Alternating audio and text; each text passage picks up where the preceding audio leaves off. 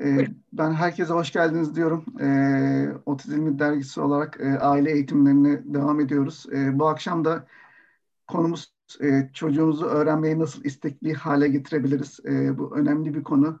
E, her e, ailenin ve eğitimcilerin e, zorluk çektiği bir konu. E, bugün üç değerli konumuz var. E, Deniz Yılmaz, e, Neslihan Can Polat ve e, Nehir Merinosluoğlu. E, davetimizi aslında kabul ettiğiniz için çok teşekkürler. E, bu eğitimi bize verdiğiniz için çok teşekkürler. Teşekkür ederiz. Size sözü bırakıyorum. Merhabalar, ee, ben Neslihan Can Polatçı. Ee, Tohum Otizm Vakfı Eğitim Arge Birimi Direktörüyüm. Ee, biz bu davet için çok teşekkür ediyoruz Arif Bey'e, sizlerle buluşturduğu için. Bugün e, güzel bir sunum olmasını diliyorum. Arkadaşlarıma bırakıyorum sözü, onlar da kendilerini tanıtmak isterler. Deniz Hanım, buyurun. Ee, ben de Deniz, yaklaşık 12 yıldır özel eğitim alanında çalışıyorum. Öğretmenlik gibi deneyimlerim oldu. Şu anda da Tohum Otizm Vakfı'nda eğitim arge birimi koordinatörü olarak çalışmaya devam ediyorum. Merhabalar, pardon, merhabalar herkese tekrardan. Ee, Nehir Noslu ben de, sürekli eğitim birimi koordinatörüyüm vakfın. Ee, aslında ben belki biraz şey ekipçe neler yapıyoruz ondan da bahsedelim mi giriş yaparken yoksa siz mi bahsetmek istersiniz? Olur. Yani güzel başlamışken siz bahsedin. tamam. Ee, bizim böyle çok taze kurulan bir ekibiz aslında bakarsanız.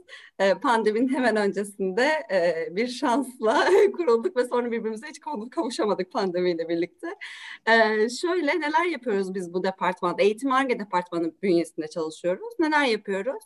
Ee, sürekli eğitim verimi kısmında ben aile, aile öğretmen eğitimleri veriyorum. Atölye çalışmaları gerçekleştiriyorum ve otizm farkındalık eğitimleri gerçekleştiriyorum. Talep eden herkese ücretsiz olarak. Aynı zamanda ekip olarak da daha çok denizin üstüne yöneldiği e, bir konu var. O da materyal geliştirme.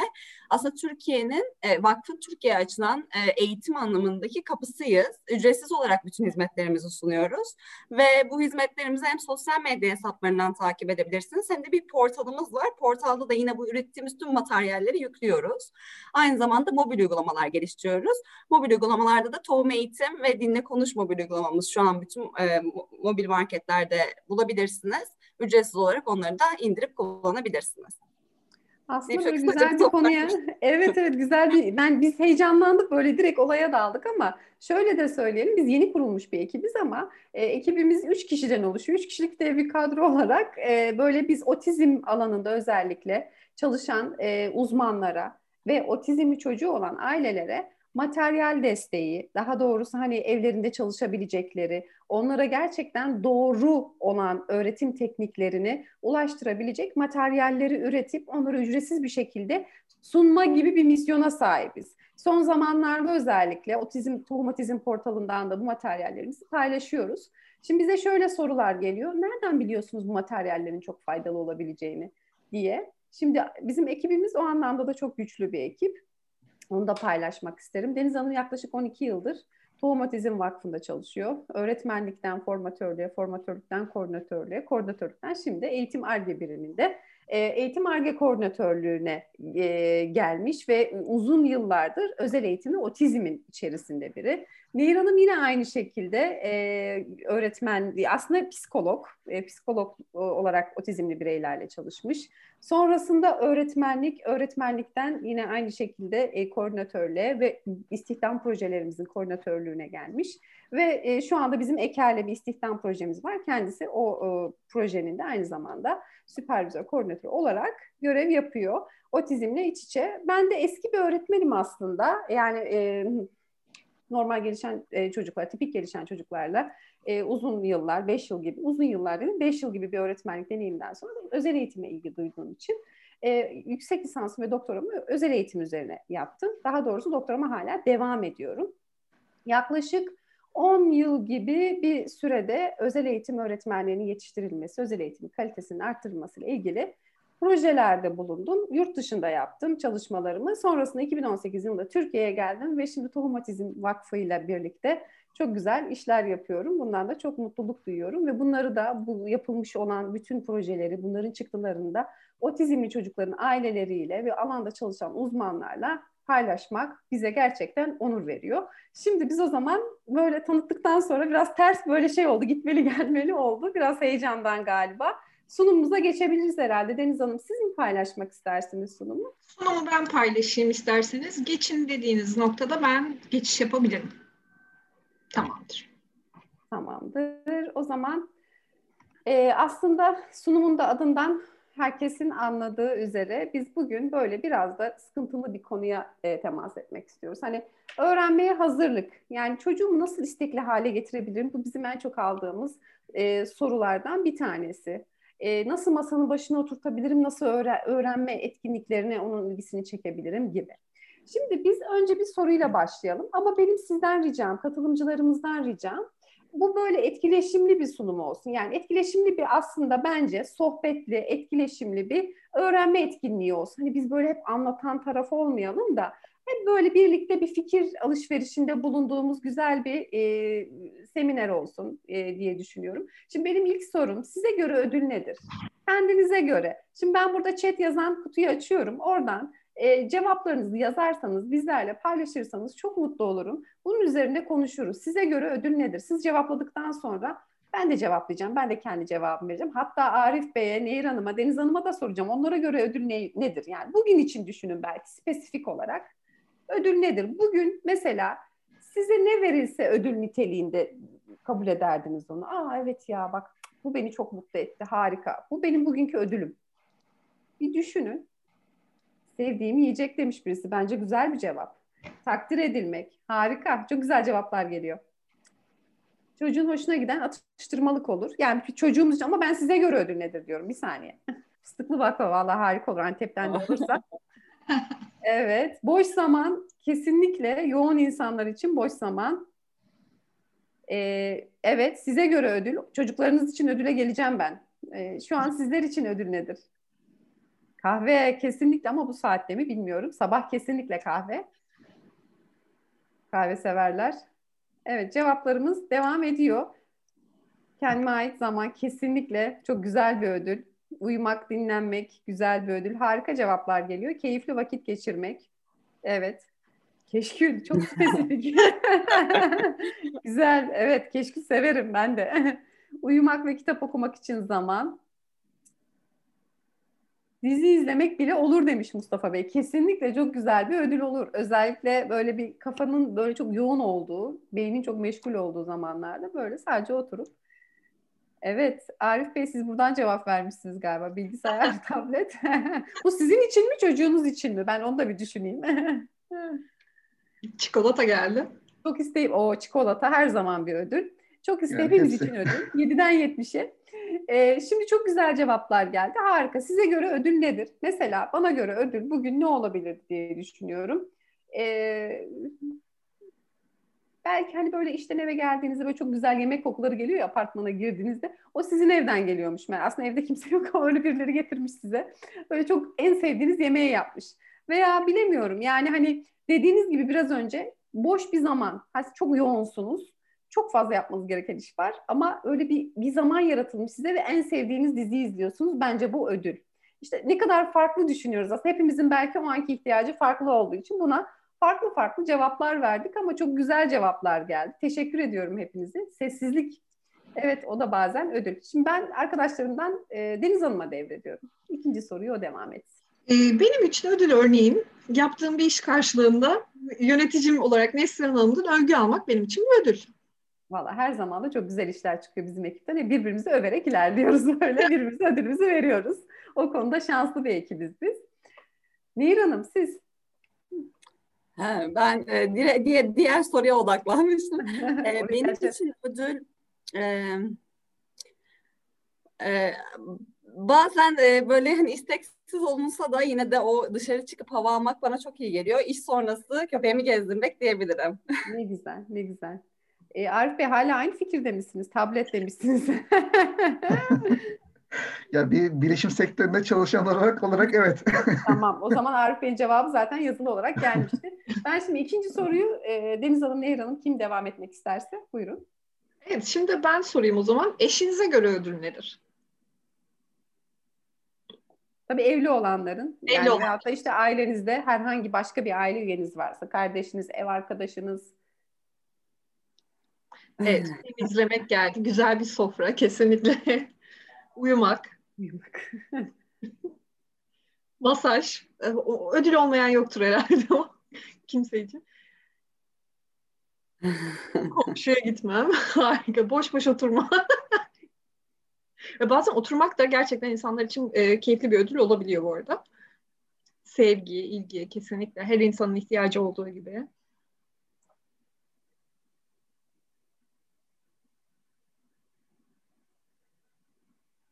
Bu eşte herhalde biraz durdu. Herkes şu an bir düşünüyor. Birlikte yalnız dikkatli, dikkatli cevaplar geliyor. Aynen. Birlikte yalnız ve sessiz zaman geçirmek, e, kendinize göre vakit ayırabilmek, özellikle gece uykusu, evet kesinlikle. O istemeden çayı getirmemiz, izler olmayan pekiştirme.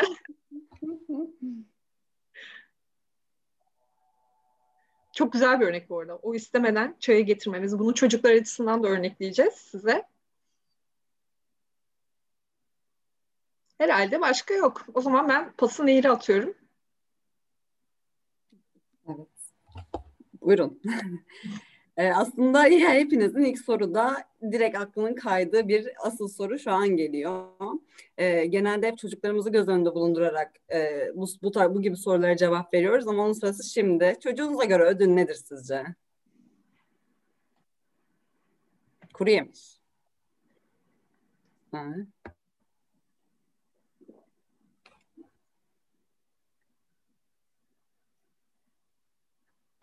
Başka? Oyuncaklar ödül olabilir kesinlikle. Arkadaşın evine gitmek ne güzel. Onlar vakit geçirmekten hoşlanıyor. Süper. Pasta, markete gitmek, alkış, aferin, çikolata, süper, çekirdek çay. E, hoşuna giden yiyecekler, masaj yapmak, müzik dinlemesi için telefonunu vermem, resim yapmak, ne kadar çeşitli aslında bakarsanız. Şöyle bir durup düşündüğümüzde üç soruya da çok çok farklı cevaplar geldi. Sokakta gezmek, video izlemek, parka gitmek, parkta sallanmak, salıncakta sallanmak diyelim. Kız direkt cevap vermiş. Çikolata diye harika. Ee, annem baba anne babayla oynamak demiş e, çocuğu için olan bir pek e, ödül olarak. Ee, akşamları düğün salonuna gitmek. Süper. Trambolinde zıplamak. Eve bir kedi almak. Bu büyük bir ödül. Büyük de bir sorumluluk. Ödül mü, sorumluluk mu böyle bir emin olamadım. Harika. Çok teşekkürler katılımınız için. Ya şey ilgimi çekti şimdi. Ne kadar güzel, ne kadar farklı cevaplar geldi. Şimdi aslında bu soruları biz bu şekilde sıraladık. Size göre, eşinize göre, çocuğunuza göre. Aslında şunu göstermek istedik. Bakın sizin için ödül olan bir şey sessiz oturmak çocuğunuz için ödül değil. E, veyahut da işte istemeden çay getirilmesi eşiniz için ödül ama siz belki hep mutfaktasınız. Özellikle kadınlar için söylüyorum bunu. Hani çoğu evin evde çok fazla vakit geçiren e, ev hanımı olan ailesiyle özellikle yemek yapma işte ve bütün bakımıyla ilgilenen annelerimiz için özellikle söylüyorum. Bazen onlar için bu ödül olmayabiliyor. Bunu düşünmeyebiliyorlar ama işte e, aslında ödül burada gördüğümüz gibi e, bireyselleştirilmiş bir e, olgu diyebiliriz. Yani biz ödülü bize göre, size göre, çocuğunuza göre diye açıklayabiliyorsak demek ki biz ödülü seçerken de bunların hepsini göz önünde bulundurmak durumundayız. Bence geçebiliriz. Çok güzel böyle farklı farklı cevaplarla güzel geçti bu. Şimdi bizim başka bir sorumuz var. E peki eğitimde ödül nedir? Aslında biz size bütün ipuçlarını verdik. Dedik ki size göre, eşinize göre, çocuğunuza göre. Şimdi eğitimde ödül nedir derken biz e, otizmli çocuklarımızla bir beceri kazandırma üzerine çalışıyoruz. Bu beceri kazandırma etkinliği sırasında e, bizim onları motive, motive etmemiz gerekiyor. E, ve şöyle, çok pardon.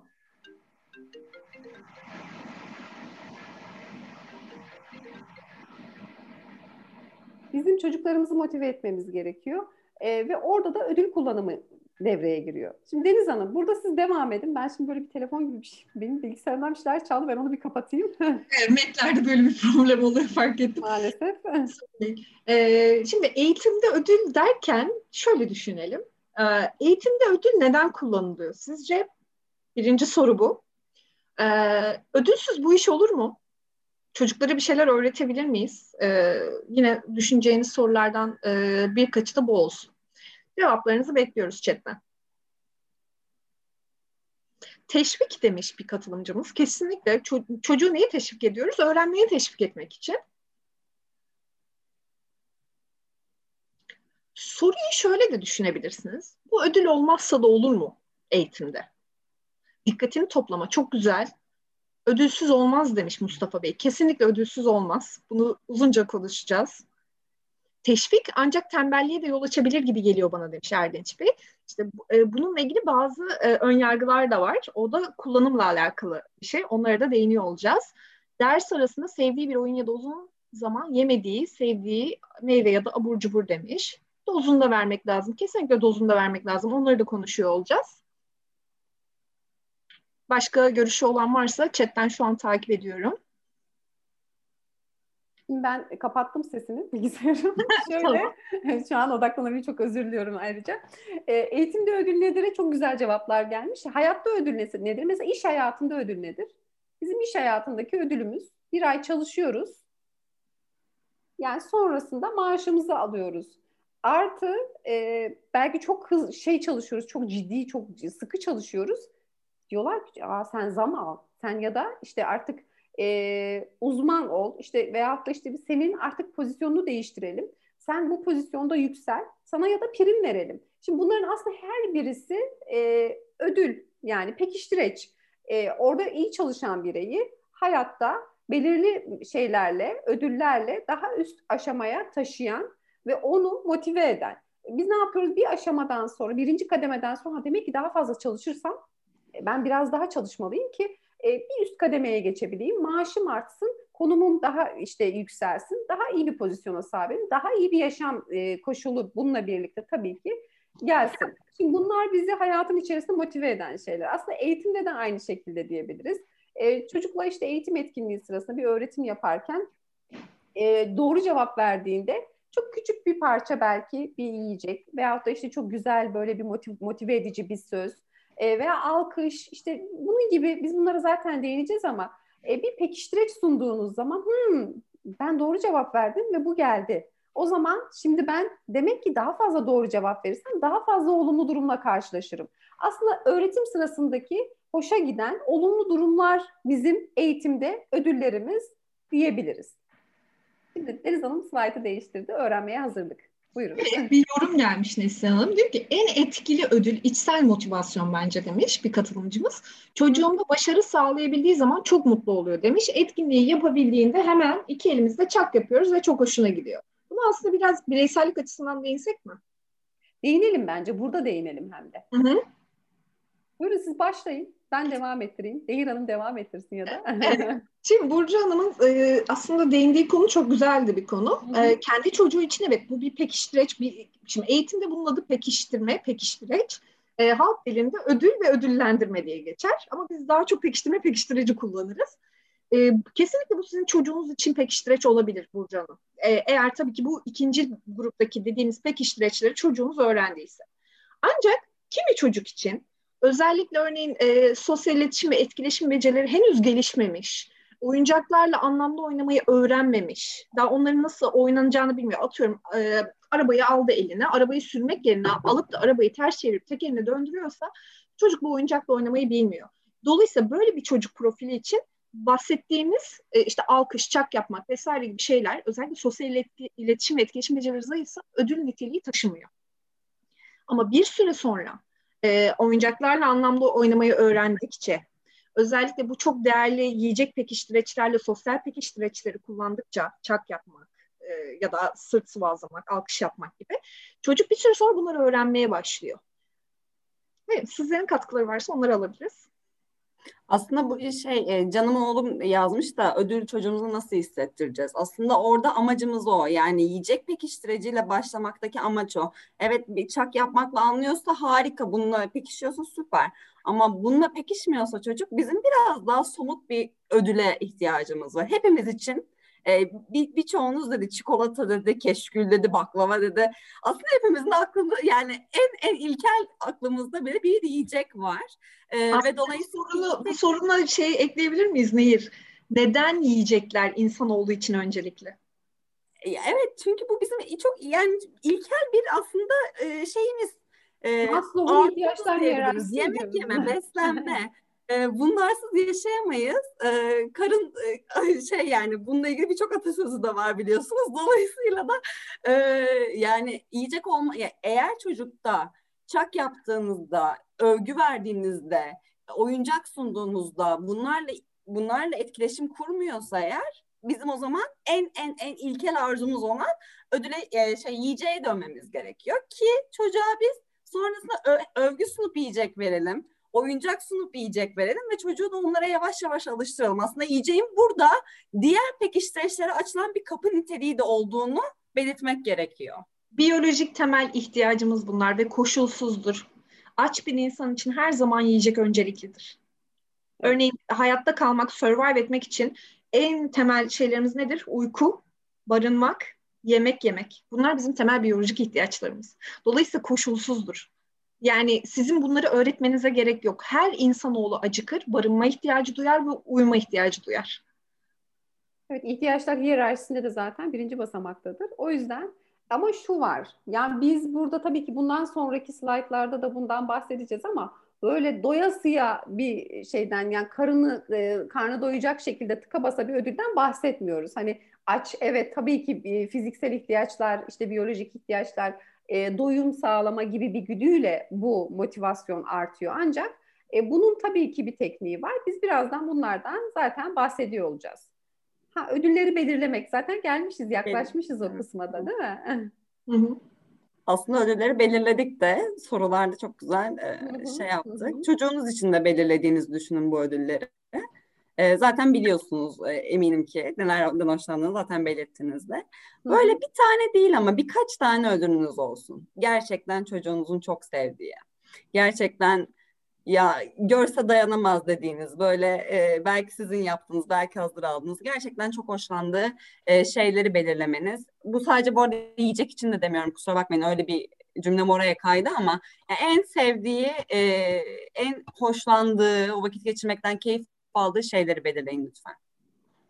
E, bunun için aslında benim de şöyle bir önerim var. Ufak, yani kendilerine bir liste yapabilirler. Gerçekten siz çocuklarınızın örneğin e, sevdiği ödülleri, oyuncakları, etkinlikleri, yiyecekleri artık aklınıza ne geliyorsa bunları ne kadar biliyorsunuz? Çocuğunuzu ne kadar takip ediyorsunuz? Ne kadar izliyorsunuz? Nelerden keyif alıyor? Şimdi aile olarak bunu bilmek neden önemli? Ee, bir kuruma gittiğinizde, eğitim kurumuna gittiğinizde örneğin e, ben öğretmen olarak aile ilk sorularından biri şudur eğer yeni bir çocuk başlıyorsa. Çocuğunuzun ödülleri neler? Neler yapmaktan hoşlanır? Nelerle oynamaktan hoşlanır? Ya da neler yemekten hoşlanır? Çünkü bunlar benim eğitimde kullanacağım şeyler. Dolayısıyla sizler öncelikle kendinize küçük bir liste yaparak bu işe başlayabilirsiniz. Bu arada tabii burada şunu da hatırlatmak gerekiyor. Ben listemi yaptım artık bunu bir böyle bir birkaç yıl kullanırım. Öyle bir şey maalesef söz konusu değil. Ee, çünkü örneğin yani bizim için belki bir yıl öncesinde ya da ne bileyim çocukluğunuzda ödül olan bir şey şu an olmuyorsa çocuk da büyüdükçe bugün ödül olan şey yarın olmayabilir. Aynı zamanda her boş vaktinizde e, mesela burada işte e, uyumak dendi ya da bo- boş vakit geçirmek dendi. Bunlar yeterli düzeyde size sahip olduğunuz şeyler olsaydı hala daha sizin için ödül olur muydu acaba? Ee, yani ödüle doy, doygunluk da burada çok önemli. Dolayısıyla ödülleri çeşitlendirmeniz, farklılaştırmanız ve zamanla değiştirmeniz çok çok kıymetli. Bunu zaten çocuğun tepkileri size e, gösterecektir. E, sevdiği bir şeyi artık ittirecektir örneğin ya da ıh ıh yapacaktır ve siz anlayacaksınızdır. Evet, Neslihan Hanım? Her şeyi söylediniz. Devam edebilirsiniz. Evet, Yiyecek Ödülleri kullanabilir. Yiyeceklere geçtik. Evet. Şimdi bize aslında yiyecekler çok da güzel görünüyor. Çok da güzel resimler seçmişsiniz, görseller seçmişsiniz Deniz Hanım. Hani çok cazip şeyler var.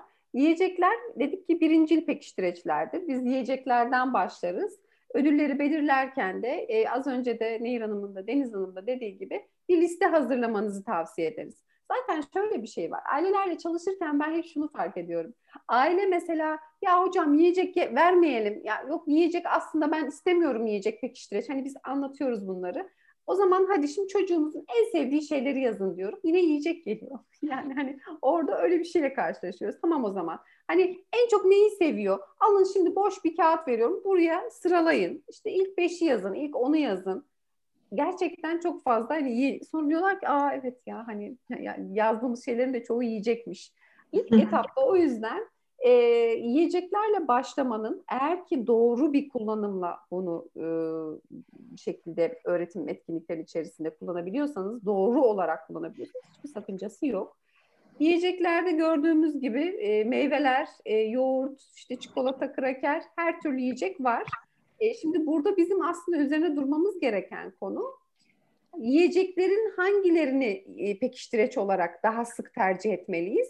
hangilerini daha seyrek tercih etmeliyiz, hangi oranlarda vermeliyiz ve e, bunları yavaş yavaş nasıl e, az az e, ikinci pekiştireçlere dönüştürmeliyiz. Şimdi slide gitti ama Deniz Hanım. Ben sesi paylaşmayı unuttum da bir video geldi. Tamam. Şimdi bir pekiştireç videomuz var burada. Evet. Ben bu video ile ilgili kısa bir bilgi vereyim. Örneğin bu videodaki kişi bir öğretmen değil, anne. Ee, ve çocuğuyla taklit çalışıyor. Bakın nasıl kullanıyor pekiştireçleri. Burada dikkat etmenizi önerdiğim şey miktarı ve pekiştireçlerin nerede bulunduğu.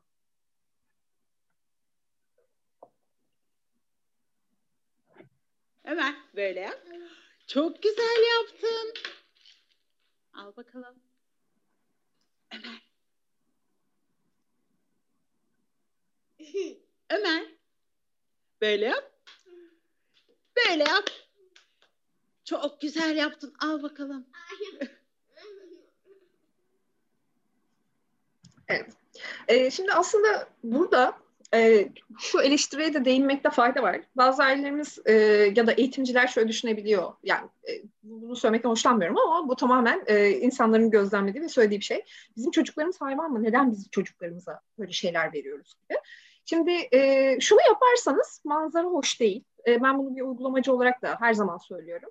E, çocuğun ağzını tıkıştırma biçiminde verirseniz bu hoş bir görüntü değil. Yani çocuğu besliyor gibi duruyorsunuz. E, ama bu çocuğun eli ayağı kolu var yani. Dolayısıyla ikram etmekle e, ağza vermek arasında çok fark e, var. Burada gördüğünüz gibi videoda da anne ikram ediyor. Örneğin biz pekiştireçleri asla yiyecek pekiştireçleri kendi okulumuzda da çocukların ağzına böyle tıkıştırma yoluyla vermeyiz. Çocuklara ikram ederiz. Bu çok ince bir nüanstır ama dikkat edilmesi gerekir. Ee, burada da örnek pekiştireç kutuları görüyorsunuz. Pekiştireçleri biz nasıl peki e, kullanıyoruz? Şimdi elinizde e, bir meyve poşetiyle gezemezsiniz ya da bir cips poşetiyle gezemezsiniz sürekli. E, dolayısıyla çocukların sevdiği şeyleri ailelerden öğreniyoruz. Hatta bu görevi biz ailelere veriyoruz. Bunlar hırdavat kutusu. Her yerde satılıyor biliyorsunuzdur. Bu hırdavat kutularını aileler her gün taze olarak hazırlıyor. Çocuklarının sevdiği şeyleri ekliyor. Örneğin ilkinde mısır, e, kraker, bonibon gibi şeyler var ama sonuncusunda mısır e, ve fıstık gibi şeyler var. Yani her çocuğun ilgisinin değiştiğini pekiştireç kutularının içerisine bakarak da anlayabiliyorsunuz. Bunun tamamen bireysel olduğunu tekrar altı çizmekte fayda var. Var mı sizlerin katkısı bu konuda? Miktarlarına ben dikkat etmenizi rica Hı. ediyorum. Bakın bonibonu en solda görüyorsunuz sol üstte. Ve o bonibon zaten küçücük bir şey ama o bile iki parça, üç parçaya bölünmüş durumda sunuluyor. Ee, çok önemli bir konu bu. E, kesinlikle. Yani buradan aslında o endişe duyduğunuz konuları da bir böyle kafanızdan geçirmenizi ve ilerleyen zamanlarda aslında bunu biz de tartışmanızı bekliyoruz. Çok küçükler. Güzel bir soru gelmiş. Pardon. Hı. Buyurun. Buyurun Nehir Hanım. Oh, tamam ben bitirdim. Ee, aslında sizin tamam. anlattığınız şeyle ilgili olarak açıklayabiliriz. Ee, Durmuş Bey sormuş. Peki evet. değerli hocalarım paket gıda olan pekiştireçler otizmli çocuklar için zararlı değil mi? Aslında hepimiz için zararlı. Paket gıdalar hepimiz için sadece otizmli çocuklar için değil. Ancak şöyle bir durum söz konusu miktar çok önemli. Siz bir günde bir koca paket cipsi eğer ben çocuğumun davranışlarını pekiştiriyorum diye e, kullanıp bitirebiliyorsanız bu çok zararlı. Ama şimdi bir tane şöyle bir tane düşünün şöyle bir cips şu şu miktarda bir cipsi siz 10 parçaya bölüp de kullanabilirsiniz. Şimdi buradaki olay zaten çocuğun o cipse doymamasını sağlamak. Doyum evet. kesinlikle o cipse olmamalı. O doyum olmadığı için de o çocuk o cips için motive olabiliyor. Yani burada ben bunun yanlış kullanımına çok denk geldim. Çok çok da üzüldüm. E, yani ailelerde de gördüm bu yanlış kullanımı, rehabilitasyon merkezlerinde yapmış olduğum gözlemlerde de gördüm. Yani şöyle söyleyeyim size, yani bir derste bir paket cips bitiyordu ya da bir derste bir paket kraker bitiyordu.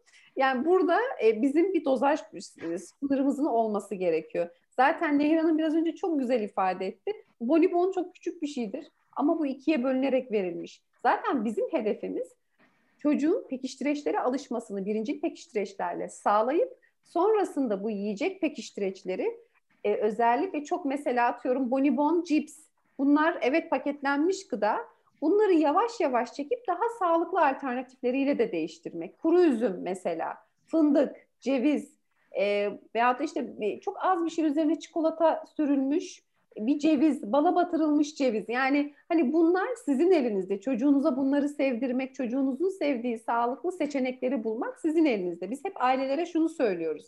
Evet cips ama peki cipsten başka bir şey var mı? Sevdiği bir meyve var mı peki? Veyahut da işte sevdiği bir çerez var mı? Daha doğal olsun, paketlenmiş bir şey olmasın. Hani önce onu bize söyleyin. Eğer ki patlamış mısırsa biz ilk olarak o şeyi kullanıyoruz, o seçeneği kullanıyoruz. Çünkü en azından paketlenmemiş, evde yapılıp getirilebilecek bir pekiştireç bizim için. Hı hı. Şimdi ben ben bir de bir şey ekleyebilir miyim? Ee, bir önceki videoda bir de e, pekiştirici sunuş şekline de yani e, ne aşamada sunulduğuna da dikkat etmek gerektiğini düşünüyorum. E, yani çocuğa gerçekten çocuk istenen hareketi yaptıktan sonra o pekiştirici ulaşabiliyor. Burada da bence e, yani sussun diye ya da hadi bu da olur tamam diye bir göz yumma hali yok. E, anne gayet net e, sesleniyor çocuk bakmıyor tekrar sesleniyor bu sefer yüksek ses kullanıyor bu sefer bakıyor ve işte böyle yaptı diyor çocuk yapıyor ve pekiştirici sunuyor. Buradaki bu süreç de çok önemli. Bunu da böyle bir e, şey yapmak istedim. Altını çizmek istedim. Ben yiyeceklerle ilgili son bir şey söylemek istiyorum. Amaç doyurmak değil, amaç motive etmek burada. Ee, kendi öğretmenlik deneyimime dayanarak söylüyorum. Ben iki tane cips parçası, Doritoslar var yani böyle üçgen, iki cips parçası ve 5-6 e, tane süt mısır cipsiyle 90 dakika ders yaptığımı biliyorum. Ama e, şu karıştırılıyor. Yani bir çocuk e, atıyorum burnunu göster dediniz gösterdi. Bir parça çubuk krekeri eline vermek değil pekiştirme. Oradaki çocuğun karnını doyurursunuz. Bizim amacımız çocuğun karnını doyurmak değil. Böyle bir benim eğitimci olarak böyle bir amacım yok zaten. Ben motive etmeye çalışıyorum çocuğu sadece. Neyse Hanım siz bir şey söylüyordunuz. Ben ne söylüyordum? Şey söylüyordum. Şimdi burada başka bir şey var. Ee, başka bir yorum gelmiş. Ee, Peki çocuklar bu kutuyu görecek mi? Evet, çocuklar o kutuyu görecek. Özellikle hatta e, üzeri şeffaf kapaklı bir kutu oluyor ve çocuklar bu, bu kutuda o şeffaf kapaktan da e, pekiştireçlerin orada olduğunu görüyor. Şimdi çocuklarda da şöyle bir şey oluyor. Ben benden beklenen beceriyi kusursuz bir şekilde yerine getirdiğim zaman o bir parça minicik bonibona ulaşacağım. Yani şu da var. E, ben ailelerde ve bazen de işte öğretmenlerimizde şöyle bir şey de görüyorum. Ya çocuk onun için uğraştı, verelim falan. Hani o değil. Hani orada gerçekten sizin harfiyen uygulamasını istediğiniz beceriyi yerine getirmiş olması gerekiyor. Bu da çocuğun doğru doğru olarak o beceriyi sergilemesini sağlıyor ve doğru tepki sonucunda o ödülü kazanması o ödül için tekrar bir motivasyon beslemesini beraberinde getiriyor. Ee, burada bir de şöyle ve sonra bu cips çocukta rutin oluşturuyor. Aslında burada şunu demek istedi herhalde Durmuş Bey. Bağımlılık. Hani pekiştireç bağımlılığı. Cips için yaşamak.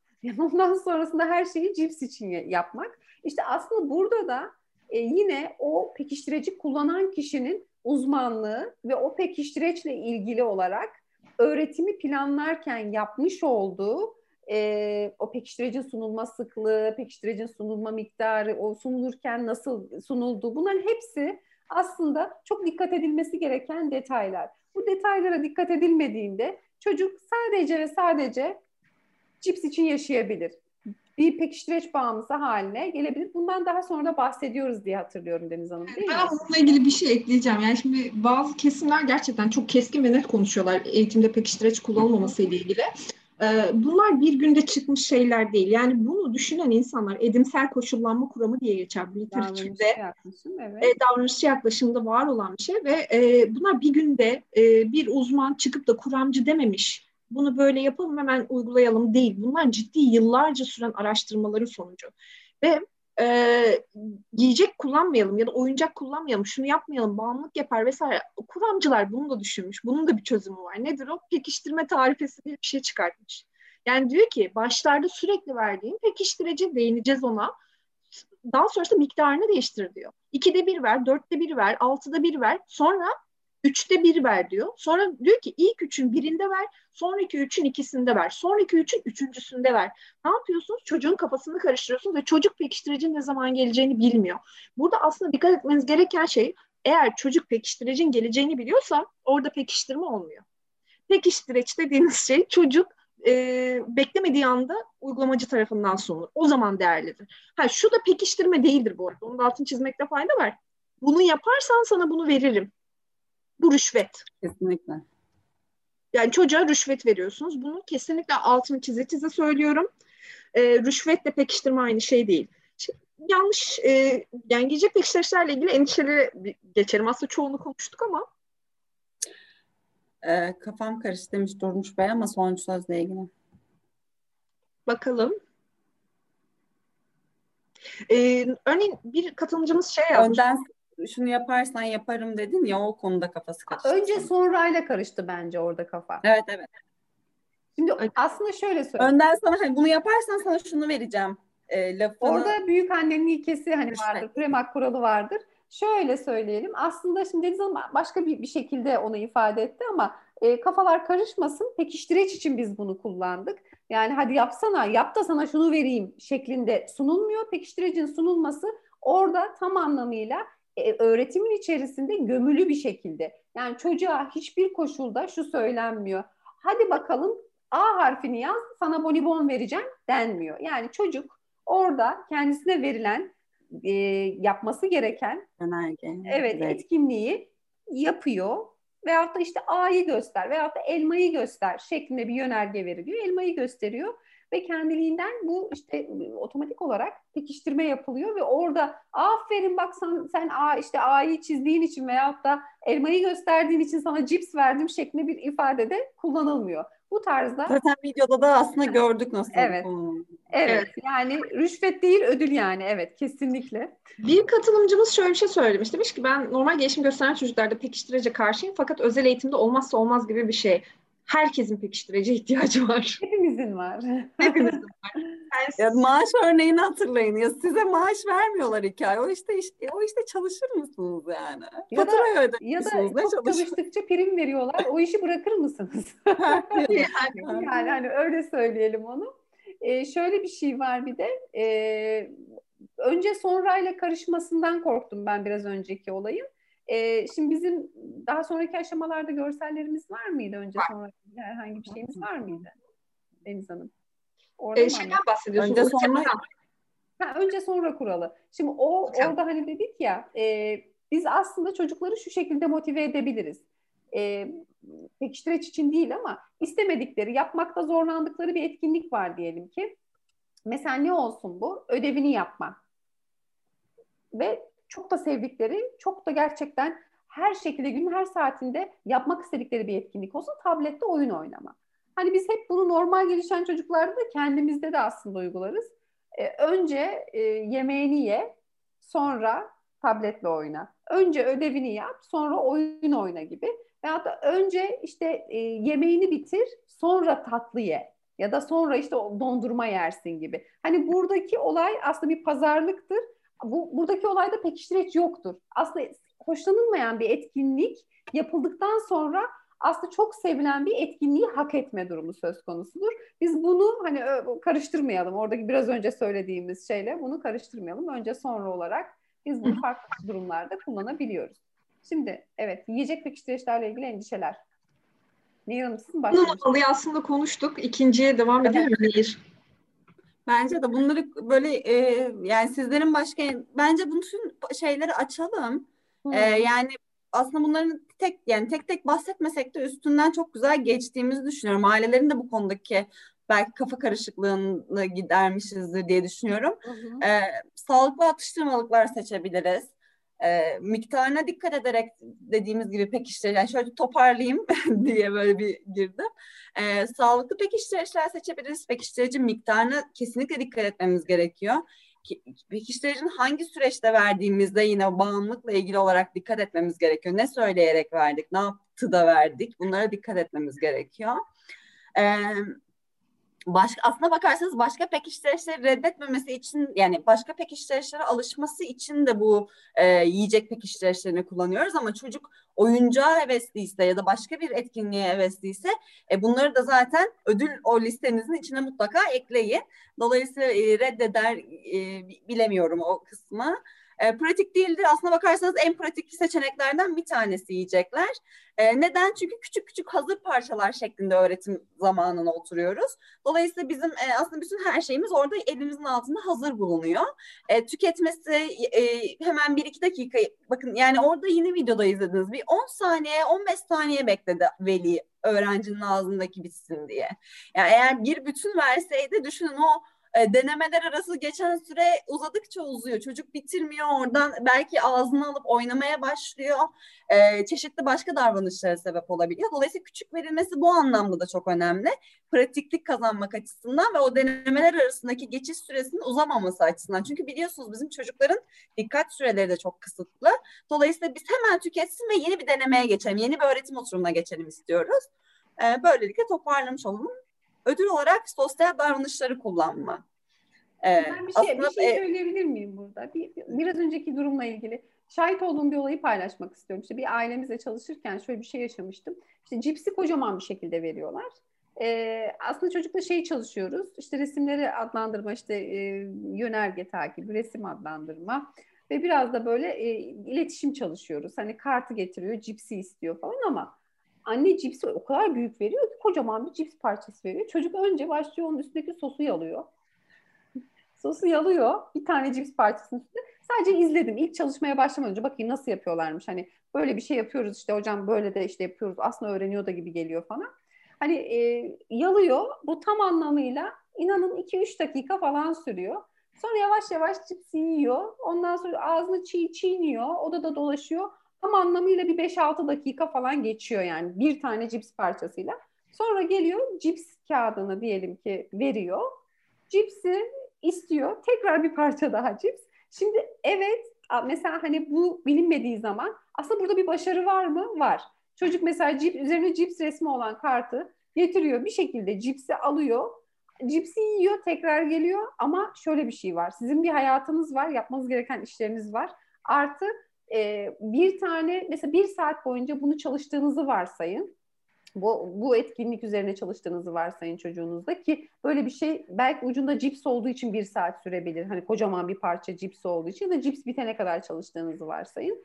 Burada bizim aslında biraz önce Nehir Hanım'ın söylediği olayda denemelerin arasındaki süre ve deneme sayısı. Yani biz orada küçük küçük parçalarla o bir tane cipsten biz 10 tane deneme fırsatı veriyoruz o çocuğa. Bir cipsi 10 parçaya böldüğümüzde o çocuk 10 kez o kartı getiriyor bize. Cips istiyor. Çok küçük parçalar olduğu için hemen tüketiyor. Doyum olmadığı için hemen geliyor, tekrar istiyor. Ve burada bir akış oluşuyor. Ve aslında biz ne yapıyoruz? Normalde şeyi düşünün. Bilmediğimiz veya yeni öğrendiğimiz bir şeyi çok fazla pratik yaparak öğreniriz değil mi? Hepimiz öyleyiz. Aynen bizim çocuklarımız da otizmli çocuklar veya tipik gelişen çocuklar onlarda da bu durum aynıdır. Burada yeni öğrenilen durumları özellikle pratik yapma sıklığını da onlara vermiş oluyoruz. Biz kocaman bir cips parçası verip onun onu yalamasına izin verip onu da böyle 5-6 dakikada tüketmesine izin verdiğimizde bunun süresi bir saat olursa bir saatte en fazla 5-6 tane deneme yapması belki mümkün olacaktır. Ee, ve çocuğun öğrenmesi de buna göre daha yavaş olacaktır diyorum. Bunu da hatırlatmak istiyorum özellikle. Pardon ben bitmiş bir slaytı devam ettirdim. Ama devam, devam edebiliriz. Buyurun. Kesinlikle şey teşekkürler.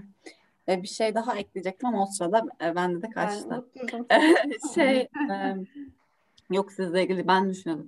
E, ödül olarak sosyal davranışları kullanmak e, bölümüne geldik. Artık yiyecek pekiştireçlerinin e, artık ikinci pekiştireçlere e, geçiş yaptık bu slaytta aslına bakarsanız. İşte bravo sana, işte harika yaptın, teşekkür ederim gibi. Umuyorum ki şey e, başlıktan yanlış çıkarım yapmıyorum. Onları birlikte kullanmak. Ha tamam. Ee, normal yiyecek pekiştiriciyle birlikte sözel e, olarak da kişiyi pekiştirmekten bahsediyoruz. Kusura bakmayın. Ee, sadece yiyecek pekiştirici verdiğinizde aslında çocukla bir sosyal etkileşim fırsatını da kaçırmış oluyorsunuz. O çocuğun o doğallaşmasını istiyoruz ya biz ya bir teşekkür edeyim yesin ya bir bravo aferin diyeyim sırtını sıvazlayayım yetsin. İşte bu kısmı kaçırmış oluyoruz aslında biz sadece eğer yiyecek verirsek çocuğa. Dolayısıyla yiyecekle birlikte Yine anne de gördünüz. Bravo sana bak böyle yaptın deyip veriyor. Bunları mutlaka sosyal övgüleri yani övgüleri mutlaka e, pekiştirişlerle birlikte e, eş zamanlı olarak kullanmamız gerekiyor. Bu arada söyleyeceğimi hatırladım. O yiyeceği uzun verdiğimizde büyük parçalar halinde verdiğimizde süre çok uzuyor dedik ya sürenin uzaması aslında çocukta hangi davranışı pekiştirdiğimiz noktasının da kaçmasına sebep oluyor. Yani ben çocuğa otur dedim, oturdu, verdim bir cipsi, ee, bir şey de demediğimi düşündü. Aferin dedim sadece. Ee, verdim cipsi ve çocuk e, onu saatlerce yediğinde artık hangi davranışı çalıştığımızda bile muhtemelen unutacaktır. Dolayısıyla hızlı akışı sağlamak bu yüzden de önemli. Sosyal davranışları kullanmakta dediğim gibi e, yavaş yavaş daha doğallaştırılmış bir pekiştirme sürecine geçmemiz açısından çok kıymetli.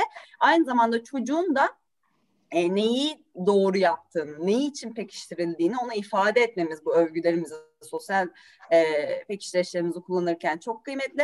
Otur dedim, çocuk oturdu, oturdum bravo sana dedim ve bir, bir e, kuru yemiş verdim diyelim. Bu e, süreci sağlamamız gerekiyor diyerek sözleri size bırakıyorum. Sosyal ödülleriniz neler? Peki biraz ondan bahsedelim. Çak yapabilirsiniz Çocuğa sarılabilirsiniz, alkışlayabilirsiniz, çocuğa gülümseyebilirsiniz. Sosyal ödüllerin sınırı yok. Ama tabii burada dikkat etmeniz gereken ince bir nüans, ayar var. Eğer çocuğunuz çok temas sevmiyorsa ve siz ona gidip sarılıyorsanız bu çocuk için pekiştirici değil ceza oluyor. E, dolayısıyla burada da bireysel farklılıkları dikkat ediyor olmamız lazım. Sizlerin ekleyeceği bir şey var mı? Yani şöyle bir şey, e, ben böyle birkaç programda e, yani hani şahit olduğum bir şey vardı, bir durum vardı. Hani e, ailelerimiz yiyecek konusunda çok tereddütlü ya, yiyecek pekiştiricileri konusunda ne kadar sağlıklı oldu. İşte kaygılardan bahsettik. E, bazen şu şekilde tavsiyelerin verildiğini duydum. Hayır hayır kesinlikle yiyecek vermeyin. Direkt so yani ben çak yapabilirim neden yiyecek vereyim? Ya da ben işte çocuğa sarılırım, zıplatırım, gıdıklarım Ondan sonra ya da aferin derim çocuğa bu yeter. Şimdi sosyal ödülleri biz neden ikinci planda bu sunumda değerlendirdik? Birincil pekiştireçler yine söylüyorum e, yiyecek pekiştireçleri. Yiyecek pekiştireçlerinden sonraki aşamada sosyal ödülleri biz devreye sokuyoruz ki aslında yiyecek pekiştireçlerini yavaş yavaş azaltıp çocuğun sosyal pekiştireçlere değer vermesini sağlayıp sonrasında da onları belki tamamen hayatından çıkarıp Sonra daha böyle sembolik, daha e, çocuğun e, normal bir de çocuğun büyüdüğünü düşünün. Hani işte 18 yaşındaki bir otizmli çocuğa, otizmli bireye daha doğrusu işte siz pekiştireç kutusuyla yanında gezip e, cips verme gibi bir durum nasıl düşünüyorsunuz? Bu dışarıdan çok hoş ve çok doğal durmayacaktır. O yüzden biraz da ilerleyen yaş ve aslında öğretimde ilerlemeyle bağlantılı olarak sosyal ödüllere geçişimiz mümkün. Ancak ailelerde e, bazı bazen şöyle bir kafa karışıklığı söz konusu oluyor. Ben yok, ben yiyecek tercih etmiyorum. Direkt sosyal ödülle başlayacağım. Sonrasında bize şöyle sorunlarla gelinebiliyor. Çocuğum oturmuyor. Kesinlikle hiçbir şekilde ben ona bir şey öğretemiyorum. E, isteksiz, motive edemiyorum tarzında şikayetlerle geliyor. Burada da yine dediğim şey gerçekleşiyor. Çocuk öncelikli olarak oradaki pekiştirece değer vermeyi öğrenmemiş sosyal pekiştireçlerde onun için herhangi bir şey henüz herhangi bir şey ifade etmiyor. Bunu da burada hatırlatmak istedim aslında. Oraya çok ufak bir ekleme yapacağım. Ee, yani alan yazın dediğimiz literatürde araştırmacılar da şunu söylüyor bu arada bu konuyla ilgili. Özellikle küçük yaşta ve problem davranışları yoğun olan çocuklarda yiyecek pekiştireçlerin kullanılmasını bütün araştırmacılar öneriyorlar. Yani çoğunluğu öneriyor. Bunda altını çizmekte fayda var. Yani bu benim Neslihan Hanım ya da Nehir'in uydurduğu bir şey değil e, bu yıllarca yapılmış çalışmaların e, bir ürünü olarak öneriliyor. O yüzden burada bireysel yorum yapmaktansa e, bilimi biraz referans alıp, araştırmaları referans alıp ona göre konuşmak gerekiyor. Aksi takdirde, aksi bir konuşma yaptığımız zaman bilimden uzaklaşıyoruz. Bu da çok doğru olmuyor. Bunun altını çizmek istedim. Evet. Peki sosyal... Bahsettik. evet, buraya geçiyorum. Ödül olarak oyuncakları kullanmak. Güzel. Bu da işte yine kafamızı karıştıran bir mesele aslında. Yani sosyal pekiştireçler kullan, işte yiyecek pekiştireç kullanmam, çak yaparım, aferin derim, eline ayıcını veririm. Mesela bunlar bize alternatif olarak sunuluyor ama şimdi şunu düşünün. Bir ayıcıkla oynama süresi ne kadar olmalıdır? Bir arabayı al, eline alıp sürme süresi ne kadar olmalıdır? Ve bir de şöyle düşünün. Ödül olarak oyuncakları kullanmak bence kesinlikle çok etkili. E, kullanılmasını da tavsiye ediyorum. Ancak dikkat edilmesi gereken noktalarla ilgili sizin kafanızda bir takım soru işaretleri uyandırmak için soruyorum. Tableti verdiniz çocuğunuzun eline. Çocuk doğru, doğru bir davranış yaptı, doğru tepki verdi. Tableti geri nasıl alıyorsun? Ben ailelere sormak istiyorum. Tableti verdiğinizde şimdi evet biraz daha etkileşime geçelim ailelerimizle. Çocuğunuz çok güzel bir şekilde yemeğini yedi. Siz de onun masada oturarak yemek yemesini öğrenmesini sağlamaya çalışıyorsunuz. Sonra da siz onun ödülü olarak tableti verdiniz. Tableti ne süreyle veriyorsunuz? Ve geri alırken neler yaşıyorsunuz? Chat'te evet. Bakalım. Süren doldu diyorum ve harika, çok güzel. Süreyi nasıl tutuyorsunuz onu da merak ediyorum. Yani süre evet. kavramını nasıl e, orada ifade ediyorsunuz o da önemli. Burada paylaşalım onu da. Nesne çok dikkatini çeken ve ilgisi yüksek bir nesne ise tamamen odaklanmasını bozabilir dediğiniz gibi demiş Erdinç Bey. Evet. Süre sınırı koyarak demiş Arif Bey. Saat harikasınız. Harikasınız. Ee, şarjın bitmesine yüzde... bu da çok güzel bir yöntem. Bu da bir teknik. Ee, çok fazla önerdiğimiz aslında bir teknik ailelere. Harika. Yüzde üç kalınca sonra şey bitiyor ve veriyor değil mi? Saati gösteriyorum. Uzun çizgi şu rakama gelince süren de olacak diyorum. Harika. Burada aslında bu soruyu sormamın bir sebebi vardı. Şimdi bizim böyle bazen de şey oluyor. Aslında biz böyle hadi bitti tamam az kaldı hadi ver. Aa bak kaç saattir oynuyorsun ama maalesef çocuğun kafasında süre, saat, çok oynadın, az oynadın gibi kavramlar o kadar soyut ki.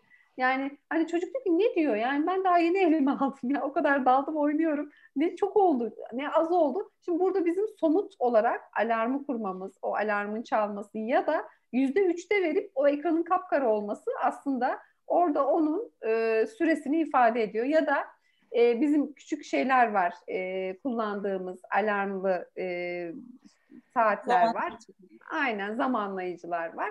Onları bir şekilde 5 dakika ise 5 dakikaya kurup ya da hatta bazen iPad'in kendi içerisindeki alarmı kurup verip direkt olarak çaldığı anda e, alarmla birlikte elinden almak gibi. Bazen bu konuda yine de sorun yaşıyoruz. O yüzden oyuncaklar ve etkinliklerle ilgili buyurun Deniz Hanım siz devam edin. Ben çok konuştum.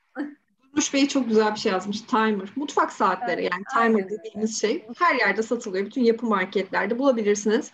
Ee, çocuğun kendi kontrol etmesini de sağlıyor aynı zamanda. Yani e, benim örneğin çok ciddi davranış problemleri olan bir öğrencim vardı. E, sorsanız e, birçok kişiye asla öğretilemez, asla yapılamaz falan diyebilir birçok insan öğrenemeyen hiçbir çocuk yok. Onu çok net söyleyeyim. Önemli olan sizin kurallarınızı koymanız ve kurallarınızı uyguluyor olmanız. Bu çok kritik. O çocuk örneğin e, bakın ben okulun ikinci katındayım.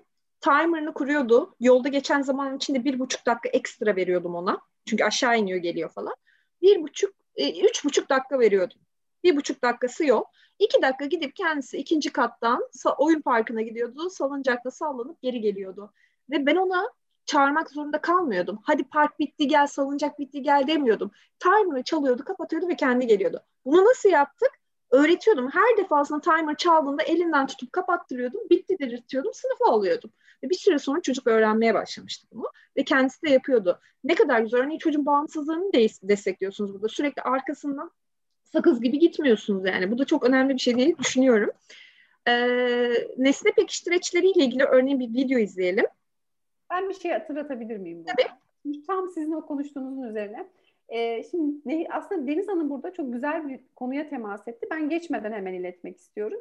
Çocuğun bağımsızlığını bir şekilde sağlıyorsunuz dedi ya. Şimdi aslında evde erken müdahaleyle birlikte daha doğrusu çocuğunuz tanı aldıktan sonra bu tarz bu tür bu, bu, türde e, etkinlikleri evde yapmaya başladığınızda işte zaman, süre bu kavramları oturtup işte sınır koyma, kural koyma, işte bir timer çaldığında işte tableti geri vermesi veyahut da etkinliği bitirmesi. Bunlar bizim çocuklarımızın okula hazırlık becerileri aslında. Şimdi hani okula başladığı zaman çok fazla zorlanıyoruz ya İşte diyoruz ya işte teneffüsle dersi ayırt edemiyor.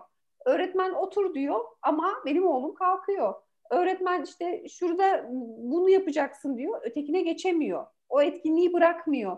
Geçişlerde çok zorlanıyor. Şimdi aslında biz çok küçük yaşlarda bu becerileri evdeki günlük yaşam içerisinde yapmış olduğumuz etkinliklerde oturttuğumuz zaman aslında bu bir kaynaştırma becerisi oluyor. Yani e, okul çağına geldiğinde de biz gidiyoruz sadece öğretmenine aslında neler yaptığımızı anlatıyoruz.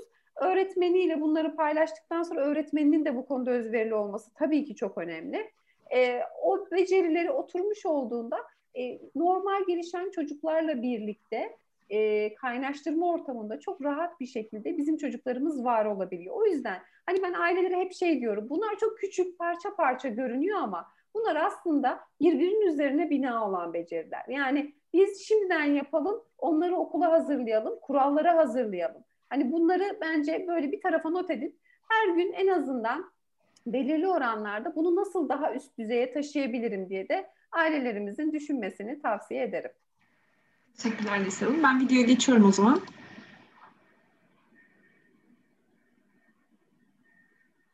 Sesimizin az geldiğini evet. söylemiş bir katılımcımız ama şimdi iyi mi acaba ben mikrofonla rakamları çiz. Bizde sıkıntı yoktu ama bilmiyorum.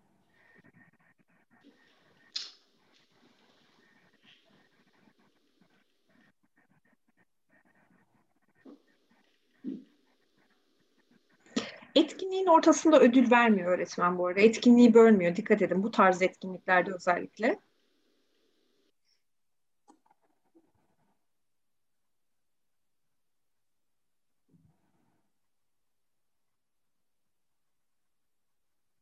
Çünkü bu ardışık ve arka arkası gerçekleşmesi gereken bir davranış. Ve çocuk durduğu zaman sadece fiziksel olarak yönlendiriyor. Ekstra çocukla konuşmuyor. Çünkü ona bir kere rakamları çiz ikinci bir yönerge vermesine gerek yok. Aksi takdirde ne oluyor? Çocuklar tekrar tekrar verdiğiniz yönergelere tepki vermeye başlıyor. Tekrar çiz, tekrar çiz, tekrar çiz dediğinizde beşinciye, onuncuya size tepki vermeye başlıyor. Bu sosyal açıdan uygun bir davranış değil. Bir de şey var şimdi burada ben ailelere hatırlatmak istiyorum. Bunu ailelerimiz yapıyor. Yani aslında hepimiz yapıyoruz. Hayatımızda birincil olarak hayatımızda olan kişilere su getir, su getir, su getirir misin? Su, su yani getirinceye kadar söyleriz ya kapıyı kapa kapıyı kapatır mısın? Ka- kapıyı kapat dedim. Yani hani aslında o insana fırsat vermeden yaptığımız bazı şeyler var. Özellikle kendi hani ailemizin içerisinde gerçekleşen durumlardan e, örnek vermek istiyorum. Çocuklarımıza da yapıyoruz. Rakamları çok güzel çizdin Atacığım. Oynayabilirsin.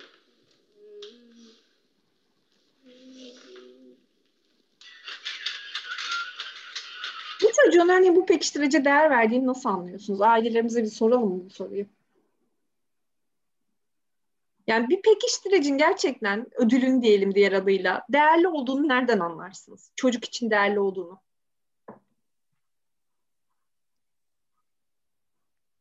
Yüzünden, ifadelerinden değil mi? Şöyle bir gülümsemesinden anlarsınız. Örneğin çocuk için heyecanından, çok güzel tepkisinden hemen yüzü güler. Eğer kullandığınız şey çocuğunuzu gülümsetmiyorsa, çocuğunuzda olumlu bir tepki yaratmıyorsa bilin kullandığınız şey pekiştireç değil. Ee, pardon. Evet Neslihan Hanım. Hemen soruyorum. Peki nesne pekiştiriş, pekiştirişleriyle ilgili kaygılar nelerdir? Aslında az önce biraz bahsettik. Ee, bundan sonraki slaytta sıralamış mıydık bunları? Ee, aslında burada şeye değinebiliriz. Ee, evde çok kolay ulaşılabilir nesneler olması, Evet evet evet tamam. Yani hani şöyle bir şey var. Biz de hatta şey demiştik. Nasıl bir örnek vermiştik bunu? Deniz Hanım siz devam edin. Şöyle, örneğin e, nesne pekiştiricilerle ilgili eğitim ortamında genellikle çok kullanmayı tercih etmiyoruz. İşte oyuncak arabalar, bebekler, e, toplar ve top demeyeyim de e, toplu her zaman oynayabilirsiniz ama daha böyle işte oyuncak ayısı, battaniyesi vesaire gibi bunları kullanmayı tercih etmiyoruz. Sebebi de şu, e, çünkü bunlar ev ortamında çok rahat ulaşılabilen pekiştireçler. Ama pekiştireç dediğiniz şeye çocuğun ulaşmaması gerekiyor. Eğer ulaşırsa biz e, orada aslında elimizdeki motivasyon aracından oluyoruz. E, evet, Pekiştireç evet. dediğiniz şeyi sadece eğitim ortamında biz eğitim amaçlı kullanıyoruz. Ve ailelerle biz ilk yaptığımız konuşma şu olur. Bana çocuğunuzun pek, hoşlandığı pekiştireçlerin listesini verin. Aile bize söyler, biz yazarız. Tamam ben şimdi bunları kullanmaya başlıyorum eğitimde. Lütfen ama lütfen siz evde kontrolsüz bir şekilde pekiştirme etkinliği dışında kesinlikle vermeyin diyoruz. Evet. Aksi verirse atıyorum ben okulda bir parça cips kullandığımı ya da atıyorum oyuncak kullandığımı düşünün. Oyuncak en sevdiği oyuncak arabasını kullanıyorum. Aile gidip de aynı arabadan eve alıp onu da evde çocuğa saatlerce verirse ben istediğim kadar okulda o pekiştirici kullanayım. Hiçbir anlamı olmaz. Çünkü çocuk onunla ilgili doyuma ulaşmıştır muhtemelen. Oynaya oynaya bıkmıştır hatta. Yüksek ihtimal. Evet. Şimdi ben burada bir şey eklemek istiyorum. Bir başıma gelen bir şey eklemek istiyorum özellikle. Ee, bir çocuğumuzla çalışırken özellikle iPad'den iletişim becerileri üzerine çalışıyorduk. Ee, iletişim becerileri için iPad'i kullanacak ama iPad ile ilgili çok ciddi bir bağımlılık problemi olsun da istemiyoruz. Ee, iPad'i e, sınırlı bir şekilde veriyoruz. Ancak iPad'i annesinin sakladığı yerde bulmuş. Yani hani şöyle bir şey. Normalde gittiğimizde iPad orada ortaya çıkınca ciddi bir heyecan yaşayan çocuk belirli bir süre sonra çok cool tavırlar sergilemeye başladı. Yani şey yani e, versen de olur, vermesen de olur modunda. E, ve iPad'i verdiğimizde e, bir kez hani sonuçta e, normalde biz ne yaparız eğer o şifreyi biliyorsak ve onu biz gizli bir şekilde almışsak o iPad'i o bize e, şif, iPad'i şifreyle veren kişilerin yanında o şifreyi kullanarak açmayız değil mi? Unuttu ve açtı. Yani hani o iPad'in şifresini çözmüş meğer. Eline verdiğimizde annesi zannediyordu ki iPad şifreli, iPad işte bilmem dolabın üstünde ve benim çocuğum ona ulaşamıyor. E, şimdi şöyle durumlar da oluyor. Bunu özellikle örnek olarak verdim. E, mutfağa giriyor çocuk. Dolaplardan işte normalde annesi koyarken mesela cips paketinin az bir şey ucunun renginin turuncusunu gördüğünde bile onu istediği yerden bulabilen öğrencim oldu. Yani hani o Doritos'un poşeti orada dururken e, dolabın üstünde sandalyeyi alıp oraya gidip onu çekip oradan onu alıp yiyip ondan sonra bir paketi bitirip çok rahat bir şekilde e, sonraki aşamada da pekiştirici olarak verdiğiniz e, cipsi bazen reddedebilen öğrencilerimiz de oldu. O yüzden hani bunların ciddi kontrolünü sağlamamız gerekiyor. Bilhassa çok ciddi kritik becerileri çalışıyorsak e, yiyecek pekiştireçlerinin de, nesne pekiştireçlerinin de, oyuncaktır, iPad'tir, tablettir ya da oyundur.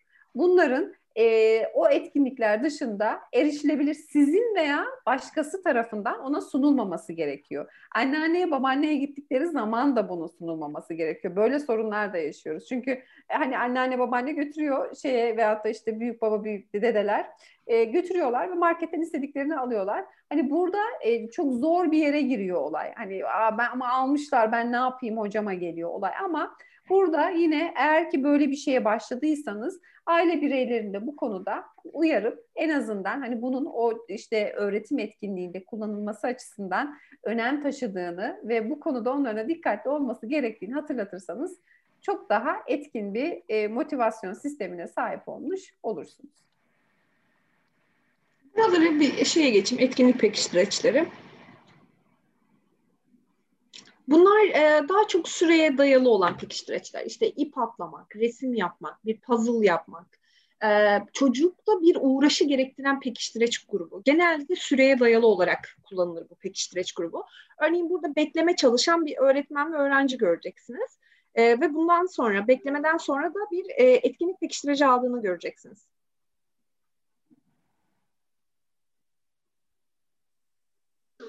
Beni burada bekle.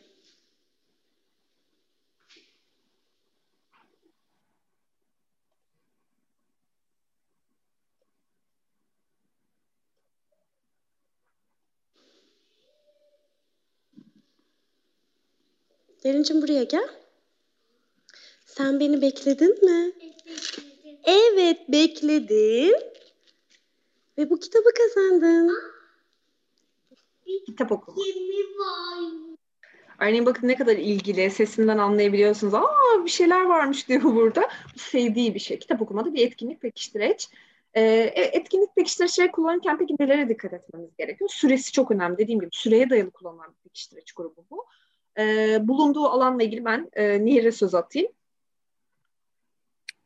Ee, bulunduğu alan derken çalışma alanında bulunması ve diğer alanlarda bulunmasını mı kastediyoruz? Evet. Ee, yine e, bulunduğu alanın size yakın hemen ulaşabilir. Mesela bitti etkinlik çocuk güzel bekledi hemen ulaşabileceği bir alandaydı öğretmenin hemen verdi. Sizin de aynı şekilde sizin kontrolünüzde olacak. Size yakın bir alanda ama hemen de ulaşabileceğiniz bir alanda kalabilir. Yine şeffaf kutular kullanabilirsiniz. E, uygun bir yere koymak için şeffaf kilitli kutular yine pekişleşte kullandığınız gibi. Hem çocuk görür, arzu eder belki ve bu da bir etkileşim fırsatıdır. Belki aslında bundan da bahsetmek uygun olabilir bu e, şeyde. E, yaşa uygun olmalı. Nasıl e, şu anki yaşımda ben evcilik oynamıyorsam 5 e, yaşındaki bir çocuğun da ne bileyim daha bir e, büyük yaş grubuna hitap eden bir etkinliği yapmasını beklemeyiz. E, çocuğun yaşına uygun olması çok kritik. Eğer çocuğun e, gelişimsel durumu, çocuk 5 yaşındadır ama e, henüz tuşlu basmalı ışıklı oyuncakları e, algılar ve onların ilgisini çeker haldeyse evet kullanalım ama mümkün olduğunca e, etkinlikleri ve ödül e, nesneleri onun yaşına uygun hale getirmeye çalışalım. E, ben ters bir örnek verebilir miyim orada? Etkinliklerimiz de aynı şekilde bu arada ya yaptırdığımız etkinlikler de e, ödül değil de şu an bir şey e, böyle bazen şey oluyor ya tutamıyorsunuz kendinizi her şeyden bahsetmek için şu an öyle bir şeydeyim. Buyurun. Yaşa uygunlukla ilgili bir şey söyleyeceğim. Örneğin bu bir şahsen benim çok gördüğüm ve karşılaştığım okullarda ya da farklı merkezlerde örneğin 18-19 yaşındaki otizmli bir genci e, bazen parkta çılgınlar gibi sallanırken ya da kaykaydan bağırarak kayarken görebiliyoruz. Şimdi şöyle düşünün. Otizmli bir çocuğunuz yok diye varsayalım. Siz dışarıdan geçen birisiniz ve parkın kenarından geçiyorsunuz. 19 yaşında çığlık ata ata salıncakta sallanan ya da kaykaydan kayan kaç tane çocuk görüyorsunuz? Genç yetişkin görüyorsunuz. Ee, bunlar çok uygun değil. Bunlar yaşa uygun şeyler değil. Yani o çocuğa ne bileyim tablette vakit geçirme, resim yapma, müzik dinleme bu tarz şeyler olabilir ama bir oyun parkında dediğim gibi e, uygun olmayan davranışlarla parkta sallanmak. Çünkü bir oyun parkına baktığınız zaman orada genellikle küçük yaş çocuklar olur. Okul öncesi ya da birinci kademe çocuklar olur. Ama daha büyükleri olmaz. Bu nedenle çocuklarınıza seçtiğiniz ödüllerde yaşa uygunluğa mutlaka dikkat etmeniz gerekiyor. Ben de ters bir örnek vermek istedim bu konuda. Ben de Nehir Hanım aslında bir giriş yaptı da benim de gerçekten hani şimdi kendimi tutamadığım ve beni rahatsız eden bir konu var. etkinlikler aslında etkinliklerle ilgili bir şey vermek istiyorum, örnek vermek istiyorum. Pekiştirici olarak kullanılsın veya kullanılmasın. E, otizmli bireylere veya da zihinsel yetersizliği bulunan bireylere e, rehabilitasyon merkezlerinde ben şöyle bir şey uygulama görüyorum. 25 yaşında e, bir genç kız e, rehabilitasyon merkezine gidiyor ancak işte rehabilitasyon merkezinden işte fotoğraf paylaşılmış mesela. Fotoğrafta ona yaptırılan etkinlik parmak boya, parmak boyası e, veyahut da işte küpün içerisine şekilleri atma e, veya yırtma yapma. Aynen öyle. E, ve şey yapma, e, boncukla kolye yapma, yani böyle boncuk dizme gibi etkinlikler. Yani bunlar e, şimdi şey olarak düşünelim. Evet belki bir takım yetersizlikler vardır. Belirli becerilerin geliştirilmesi gerekir. Ancak e, birebir gözlemlediğim zaman da şunu görüyorum. Bu tarzda derslere veya etkinliklere de katılmıştım ve bunları gözlem, gözlemlemişliğim olduğu için söylüyorum. Ya hiçbir işine yaramayacak beceriler. Harika bir şekilde kalem tutuyor. işte orada her türlü şeyi yapıyor. Hatta e, yani böyle el işi, örgü yapabilen bir genç kızımızdan bahsediyorum. Bu etkinlikleri yapan ve bunların fotoğraflanmış işte sosyal medyada paylaşılan e, bir merkeze giden bir genç kızımızdan bahsediyorum. Şimdi ben burada ailelere şu konuda bir uyarıda bulunmak istiyorum. Yani normal şartlar altında 25 yaşındaki bir genç kızdan beklediğimiz e, beceriler ve davranışlar nelerse e, bizim aslında rehabilitasyon merkezlerinde e, gittiğimizde çocuklarımıza öğretilmesini beklediğimiz davranışlar da bunlar olmalıdır. Yani şöyle bir yetişkinlik çağındaki birey zihinsel yetersizliği olsun, otizmi olsun eğer oraya gidiyorsa o artık yaşam becerilerine doğru e, yetiştirilmelidir. Yani belki bir çay demleme, servis yapma, çamaşır, kendi çamaşırlarını kendisinin yıkaması, ütü yapabilmesi, e, kirli ve temiz çamaşırı ayırabilmesi bunları ya aslında kendisini bağımsızlaştıracak. Bu hayatta kendi başına yaşayabileceği belki bir işte salata yapımı, belki bir kahvaltı hazırlama, masa kurma, masa kaldırma, e, kahve yapma veyahut da işte temizlik yapma gibi. Bunlar aynı zamanda şunu da düşünmenizi istiyorum. Bunlar hem kendi hayatında bağımsızlığını kazandırabilecek beceriler hem de istihdam becerileri olarak da düşünülebilir. Çünkü bir çay ocağında kahve yapmayı öğrendiğinde belki orada istihdam edilebilir veyahut da işte bir e, işte çamaşır ve bir kuru temizlemede çalışabilir. E, veyahut da bir kıyafetleri ayırmayı öğrendiğinde bir mağazada çalışabilir, onları katlayabilir, asabilir. E, yani bu tarz becerilere odaklanıp onların gerçekten içinde bulunduğu yaşa uygun e, kazanımlarla o merkezlerden ayrılmalarını sağlamamız gerekiyor. Bu konuda ben ailelerin kesinlikle e, denetleme bir, bir şey gördüm, bir yorum gördüm. Denetleme gerçekten az olduğu için. Evet ama ailelerden ricam siz kendi denetleme mekanizmanızı kendiniz kurun ve lütfen sorun. Yani çocuğumla ne çalışıyorsunuz, kızımla ne çalışıyorsunuz, oğlumla ne çalışıyorsunuz? Şu anda onun bu beceriler ne işine yarayacak? Veyahut da işte onu hayata hazırlayacak ne türde beceriler çalışıyorsunuz gibi. Buyurun Nehir Hanım pardon. Çiğdem Hanım da demiş benim bahsedeceğim şeyi çocukları daha çok motive ed- ediyor demiş bu gibi günlük yaşam becerileri kesinlikle öyle yani bunu çocuğun gözünden dilinden her yerinden anlayabilirsiniz hı hı. gerçekten çocuk kendine e, işte o zaman diyor ki ya ben bunu yaptım diyor ya da ben e, işte ne bileyim servis yap yapıyor. Mesela kahve servis yapıyor. Bir özel eğitim uygulama okulunda onu gördüm. Çocuk inanılmaz mutlu. Bir kere herkes onunla iletişim kuruyor. Herkes onu fark ediyor. Kendisi orada önemli bir kişi konumunda e, ve bir amaç uğruna bunu yapıyor. Biri istiyor, onun isteği üzerine yerine getiriyor vesaire. E, gerçekten onların motivasyonu içinde. Keza ailelerin de aslında çok motive olduklarını biliyorum bu gibi becerilerde. Hı. Ve e, çocuklar büyüdükçe e, aileler doğal olarak yaş alıyorlar ve aileler de yaş alıyorlar ve bir yerden sonra aslında kendi yüklerini hafifletmiş oluyor bu gibi beceriler kazanırsa eğer çocukları. O yüzden çok kıymetli. Aileler şunu yapabilir. E, bence eğer yetişkinse çocuğunuz biz evde bunu çalışıyoruz. Siz de bunu çalışır mısınız? Hani şöyle bir yönlendirme olur. Bakın biz böyle becerilere odaklandık. Hani siz de bunları tamamlayıcı şeyler çalışırsanız çok memnun oluruz. Böyle bir gözlem yaptıysanız eğer baktınız ki orada geçen süre gerçekten çok basit etkinliklerle ve hali hazırda hiçbir şekilde işine yaramayacak etkinliklerle geçiyorsa benim tavsiyem hani ailenin daha böyle işlevsel becerileri belirleyip evde ne yapamıyorsa yani evde aslında düşünün kızınız oğlunuz şunu yapsa sizin hayatınızı çok kolaylaştırır dediğiniz becerileri listeleyip bakın ben işte bu konuda ilerlemesini istiyorum. Burada öğretmenimiz bununla ilgili çalışırsa benim de hayatım kolaylaşacak.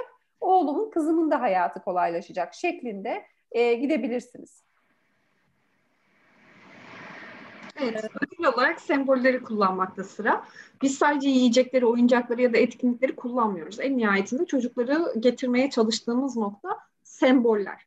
Şimdi şöyle bir soru soracağım. Bizler yetişkin bireyler olarak çalışma hayatında olanımız var, olmayanımız var. Ee, bizim hayatımızdaki en değerli sembol nedir? Yazabilir misiniz chatten? Bu arada dondu demiş Mustafa Bey de o donma devam etmiyor diye düşünüyorum. Ya da herkes için geçerli değil diye düşünüyorum. Bağlantıyla alakalı olabilir. Evet. Ben ben de öyle bir şey olmadı. Evet, hayatımızdaki en önemli sembol sizce nedir? Biz ne için çalışıyoruz? Para. Kesinlikle.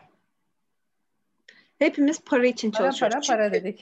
Aynen para para para. Neden para? Çünkü faturalarımızı ödüyoruz, ev kiramızı ödüyoruz, üstümüze kıyafet alıyoruz, saçımızı boyatıyoruz. Yani ihtiyaçlarımızı, gıdamızı, her şeyimizi parayla alıyoruz. Dolayısıyla çocuklar yiyecekten başladı, sosyalden devam etti, oyuncaklarla, etkinliklerle devam etti. Artık sıra ilkokul dönemine geldiğinde ya da okul öncesinin sonuna doğru sembollere geçiyoruz e, semboller karşılığında artık çocuk yiyecek, oyuncak ve etkinlik kazanmaya başlıyor. E, sembollerin en önemli özelliği bu. Peki sembol ben bir küçük bir şey ekleyebilir miyim? Aslında bakarsanız birçok şey anlattık ve daha hala okul öncesi dönemdeyiz. Dolayısıyla buradan aslında ne kadar erken aile olarak da ev içinde ne kadar erken yola başlarsanız o kadar bakın e, katlanarak e, olaylar e, silsile haline devam ediyor, artıyor. E, bunun da bir önemini sen öyle deyince vurgulamak istedim. Teşekkürler Nil. Ee, örneğin gülen yüzler kullanabilirsiniz, yıldızlar, işte bozuk paralar e, ya da kağıt paralar, PVC'li kullanabilirsiniz.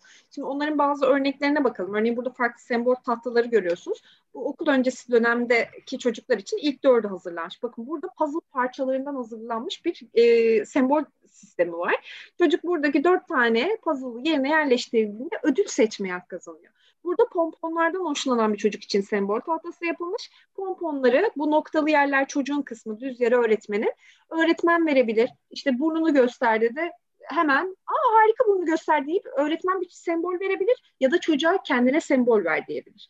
Ee, yine burada puzzle parçalarını görüyorsunuz kullanılmış. Burada da çocuğun hoşlandığı resimlerden oluşturulan bir e, sembol tahtası var. Sondaki sembol tahtası da artık ilkokul döneminde paralarla haşır neşir olmuş bir çocuk. Örneğin başta böyle başlıyoruz pomponlarla yapboz parçalarıyla ama sonrasında paraya geçiyoruz. Çünkü ilkokul döneminde birinci, ikinci sınıfta çocuklar artık para kullanmayı öğrenmeye başlıyorlar. Bu okul müfredatlarında da zaten var.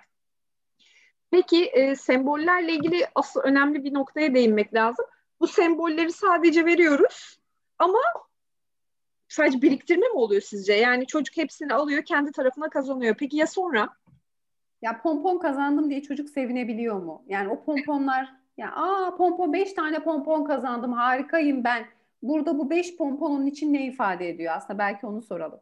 Evet. Chatten Parayı kazandığınız zaman harcayamıyorsunuz. Aynen bu çok güzel bir örnek oldu. Parayı kazandığınız zaman harcayamıyorsunuz. Aynen. Çok gıcık düşünmek istemiyorum.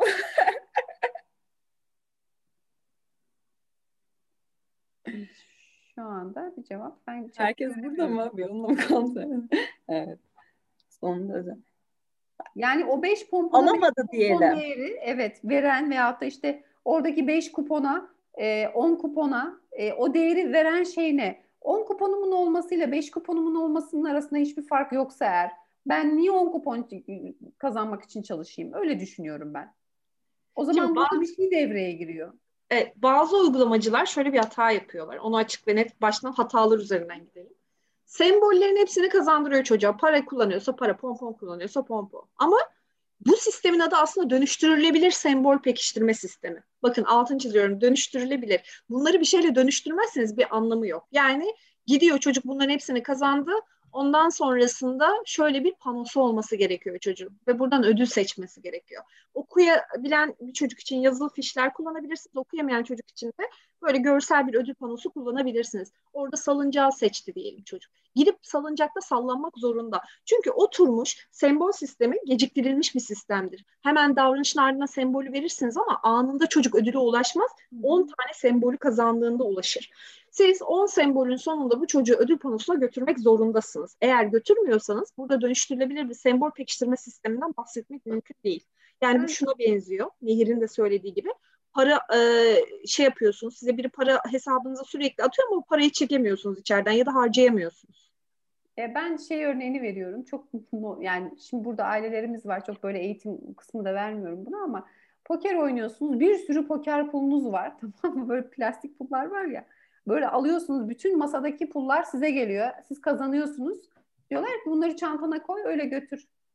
Yani hani hani aferin size harikasınız. Bunları şimdi çantanıza koyup götürebilirsiniz. E, orada sizin kazandığınızın bir anlamı yok ve kazanma hissi aynı anda hayal kırıklığına dönüşüyor. Çünkü onlarla siz o kumarhanenin dışında var olamayacaksınız. Yani kazandığınız bir şey sadece sayısal bir şey e, oradaki poker pulu kadar bir değer ifade edecek. Yani bunu öyle de düşünebiliriz. E, orada bir paraya dönüştürme söz konusu olmadığı için. Survivor gibi demişler. Evet çok güzel. Aynen Survivor. Burada örneğin okuma bilen bir çocuğun ödül panosunu görüyorsunuz. Fişler var. Ee, örneğin bu kırmızı noktaların anlamı e, süreli etkinlikler bunlar. Etkinlik pekiştiricileri, ork, müzik gibi. Çocuk ne zaman biteceğini bilmiyor. O yüzden bakın şurada mutfak saati var gördüğünüz gibi. Ödül fişini aşağıya yapıştırıyor. Kırmızı nokta varsa bana soruyordu örneğin. Kaç dakikan var diyordu ork için. Ya da müzik için kaç dakikan var diyordu. Ben de diyorum iki dakikam var ya da bir dakikam var. Süre değişiyor. Ama maksimum iki dakika veriyorum. Daha fazlasını vermiyorum. Neden? Çünkü amaç benim ödüle doyurmak değil, çocuğun sadece keyif alması, kısa süreli bir keyif alması orada. Onu da hatırlatmakta fayda var. Sembol pekiştirme ile ilgili bir video izleyelim.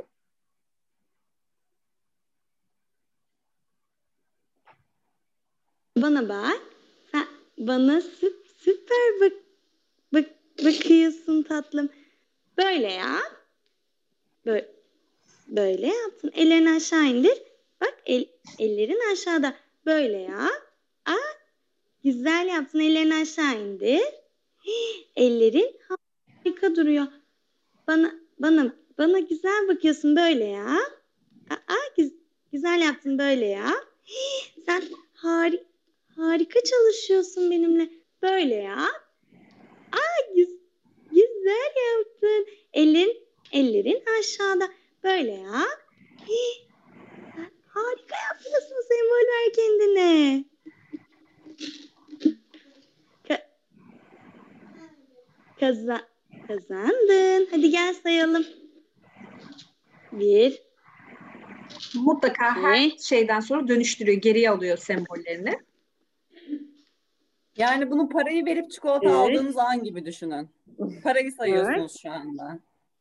beş, altı, yedi, sekiz,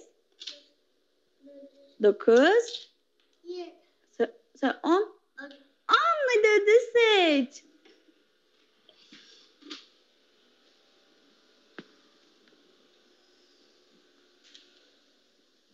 Bir de bir öğretim sürecini öğretmenin nasıl yürüttüğünü de ben pardon be misafirim var yanımda.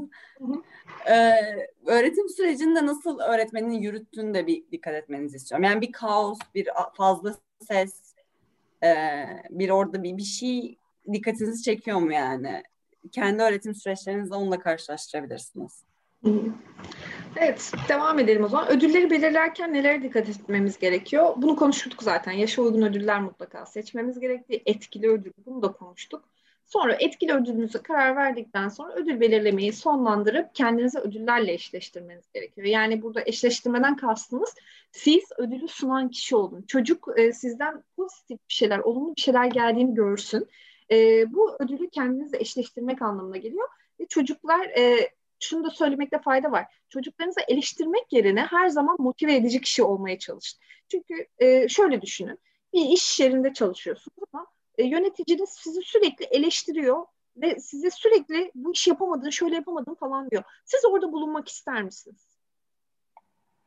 Kimse istemez. Böyle bir yerde olmayı kimse istemez. Dolayısıyla e, hep pozitif, hep olumlu şeylerle e, çocuklara bu tutumunuzu gösteriyor olmanız lazım.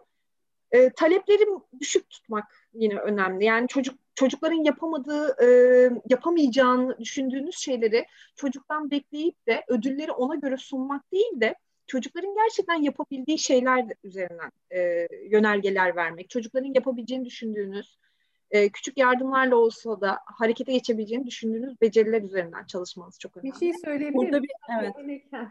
Ee, az önceki maddeye bir örnek vermek istiyorum. Biraz önce mesela bir sayıları çiz etkinliği vardı ya. Mesela sayıları çizde dört tane ayrı şey satır vardı diye hatırlıyorum. Yani dört Hı. ayrı satırda çocuk sayı çizdi.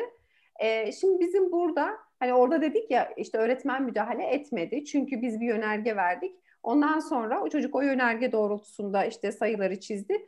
Az bir şey vazgeçmek üzereyken öğretmen fiziksel olarak bir e, şeyde bulundu. E, fiziksel olarak Müdahalede bulundu. müdahalede bulundu e, ve sonrasında çocuk devam etti. Şimdi burada şöyle bir şey devreye giriyor. Taleplerimizi neye göre belirliyoruz? Taleplerimizi çocuğun düzeyine göre belirliyoruz. Şimdi oradaki öğretmen o çocuğun, o videoda izlemiş olduğunuz çocuğun o dört satırlık e, sayı çizme etkinliğini bitirebilecek düzeyde olduğunu daha önceden yapmış olduğu öğretimlerde toplamış olduğu verilere dayanarak aslında belirledi ve o sayfayı ona verdi. Hedefini ona göre belirledi. Ancak e, hedefini ona göre belirlediği için de çocuk o etkinliği bitirdikten sonra ödülünü sundu. Ama eğer ki siz çocuğunuzda şu anda hani dört satırlık bir sayı şey etkinliğini e, bir seferde bitirebilecek bir e, şey göremiyorsanız, öyle bir durumda göremiyorsanız o zaman demek ki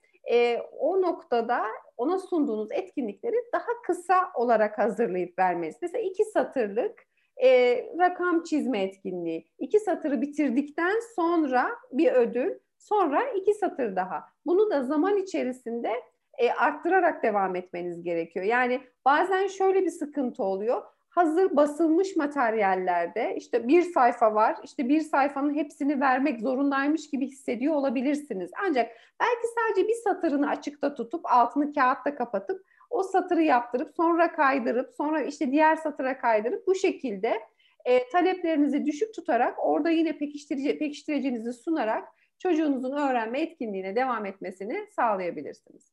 Ben burada bir örnek vermek istiyorum. Öğretmenlerimizin öğretme aşkıyla bunu yaptığını düşünüyorum. Ama yani çocuklar için gerçekten yani siz kendi çocukluğunuzu düşünün. Ali Top'a bak, Ali Top'a bak. Eminim ki yani sayfalarca Ali Top'a bak yazdık yani hepimiz.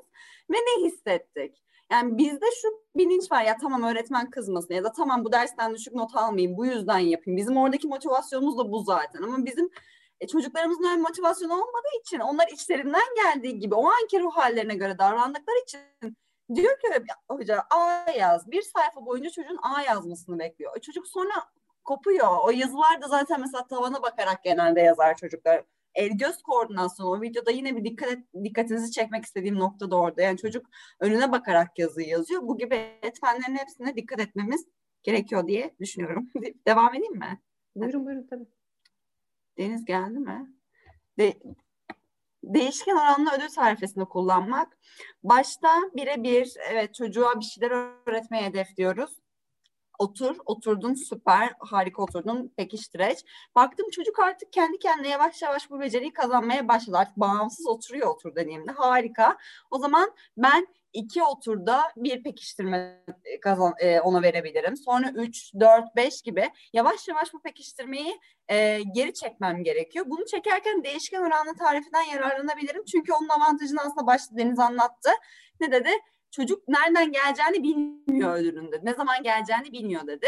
Hem sürprizdi hem de aslında e, sürekli o iştahı açık tutan yani çocuğun heyecanını açık tutan bir motivasyonu açık tutan bir durum diyerek sözü sana bırakayım Deniz.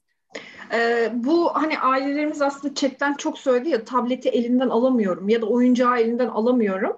Ee, şöyle başlarda sürekli pekiştirmeyle başlıyoruz. Çocukla benimki taklit çalışıyorsunuz. Böyle yap diyorsunuz. Çocuğa yaptırıyorsunuz ve ödüllendiriyorsunuz. Yaptırıyorsunuz, ödüllendiriyorsunuz. Bu şekilde devam ediyor. Ama bir süre sonra bunu sabit oranla dediğimiz bir orana çevirmeniz lazım. Yani ikide bir vermeye başlıyorsunuz. İkide bir vermeye başladınız, baktınız ki çocuk sizin ikincisinde vereceğinizi anlıyor. Artık böyle elini uzatıyor size ya da böyle bir bekleyen bir bakış atıyor. O durumda üçe çıkın. Üç davranışta bir vermeye başlayın. Sonrasında bunun artık yerini değiştirin. Yani değişken oranlıya geçin. Üçün birinde, üçün ikisi, ilk üçün birinde, ikinci üçün ikisinde, üçüncü üçün üçünde. Sonra tam tersini yapın bunu. Yani bu şekilde eğer pekiştirme değişken oranlı pekiştirme tarifesinde kullanırsanız bağımlılığı ortadan kaldırıyorsunuz. İlk başta da söylediğim gibi yani bu e, edimsel koşullanma kuramını e, bulan kişi, e, kuran kişi de bunu zaten düşünmüş. Yani bu bağımlılık geliştirilmesin diye bunu tarifeleri kullanın demiş. Genellikle e, bağımlılık yaratma düşüncesine örneğin aileler diyor ki anlayabiliyorum aileler eğitimci olmadığı için buna çok hakim olmayabilir ama eğitimcilerin bunu gerçekten çok iyi biliyor olması lazım. Yani bu her eğitimcilerden de duyuyoruz. Pekiştireç kullanmayacağım çünkü çocukta bağımlılık yaratıyor. O zaman ben şunu söylüyorum. Tarifelerle ilgili hiçbir şey bilmiyorsunuz arkadaşlar. Çünkü bunun çözümü tamamen pekiştirme tarifesinden geçiyor. Değişken oranlı kullanmaktan geçiyor. Sizlerin katkısı... Bir soru var. Soruyu cevaplayalım mı? Peki bu sembolleri gün içine yayarak kullanabiliyor muyuz? Örneğin pijamalarını çıkarıp katladığım bir sembol, yemeğini bağımsız yedim bir sembol şeklinde uygulayabilir miyiz? Sembolleri tüm gün uygulayabilirsiniz. Bir günde bir sembol dönüştürme işlemi yapmıyorsunuz. Bunu her 15 dakikada 20 dakikada bir çocuğu pekiştirme sıklığınıza göre e, sembolleri sürekli dönüştürüp sürekli, yine sembol vermeye devam edebilirsiniz. Tüm güne yaymanız harika olur. Çocuğun hep bir sistemli bir durumu olmuş olur. Ama yine aynı şekilde aslında burada da pekiştirme sıklığınızı e, düzenlemeniz gerekebilir. Yani sembolleri örneğin pijamalarını çıkarttı e, sembol verdiniz. Katladığı için bir sembol verdiniz.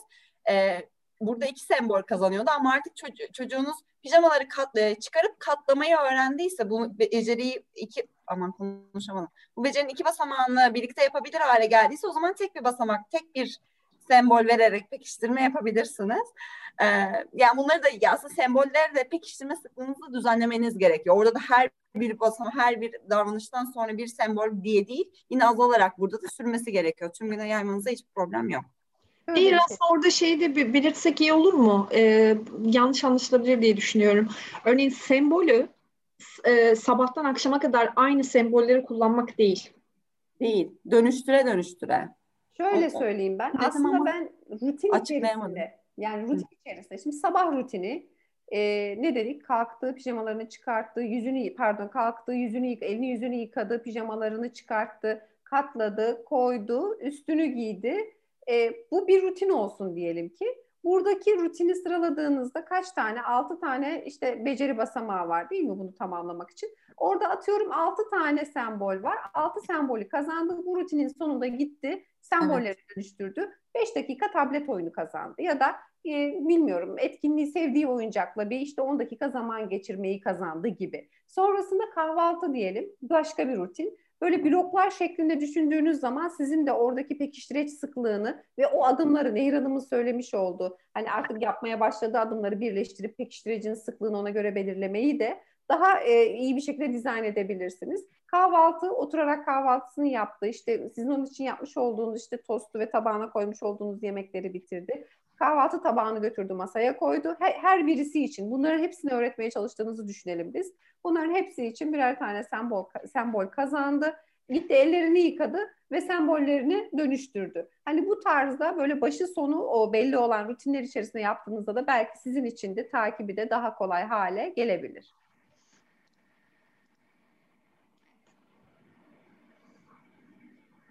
Şimdi e, burada aslında şey demiş, pekiştirme konusu anlaşıldı diye düşünüyoruz. E, bir otizmli bir çocuğa temelde öğretebileceğiniz becerilerden aslında bahsedeceğiz ama bir soruyla başlamak istiyoruz. Sizce basit beceri ve davranışlar neler? Yani şöyle düşünebilirsiniz. Otizmli bir çocuğa, küçük bir çocuğa eğitime yeni başlamış ya da becerileri tam olarak gelişmemiş de olabilir beceri ve davranışları. İlk neler öğretilmesi gerekiyor? Sizin için hayati kritik önem önemi olan yönergeler neler örneğin? Çocuğum şunu yapsa benim hayatım gerçekten kolaylaşır diyebileceğiniz yönergeler neler? Bir çete yazabilir misiniz? Adına tepki çok güzel. En temel becerilerimizden biri. Olmazsa olmaz.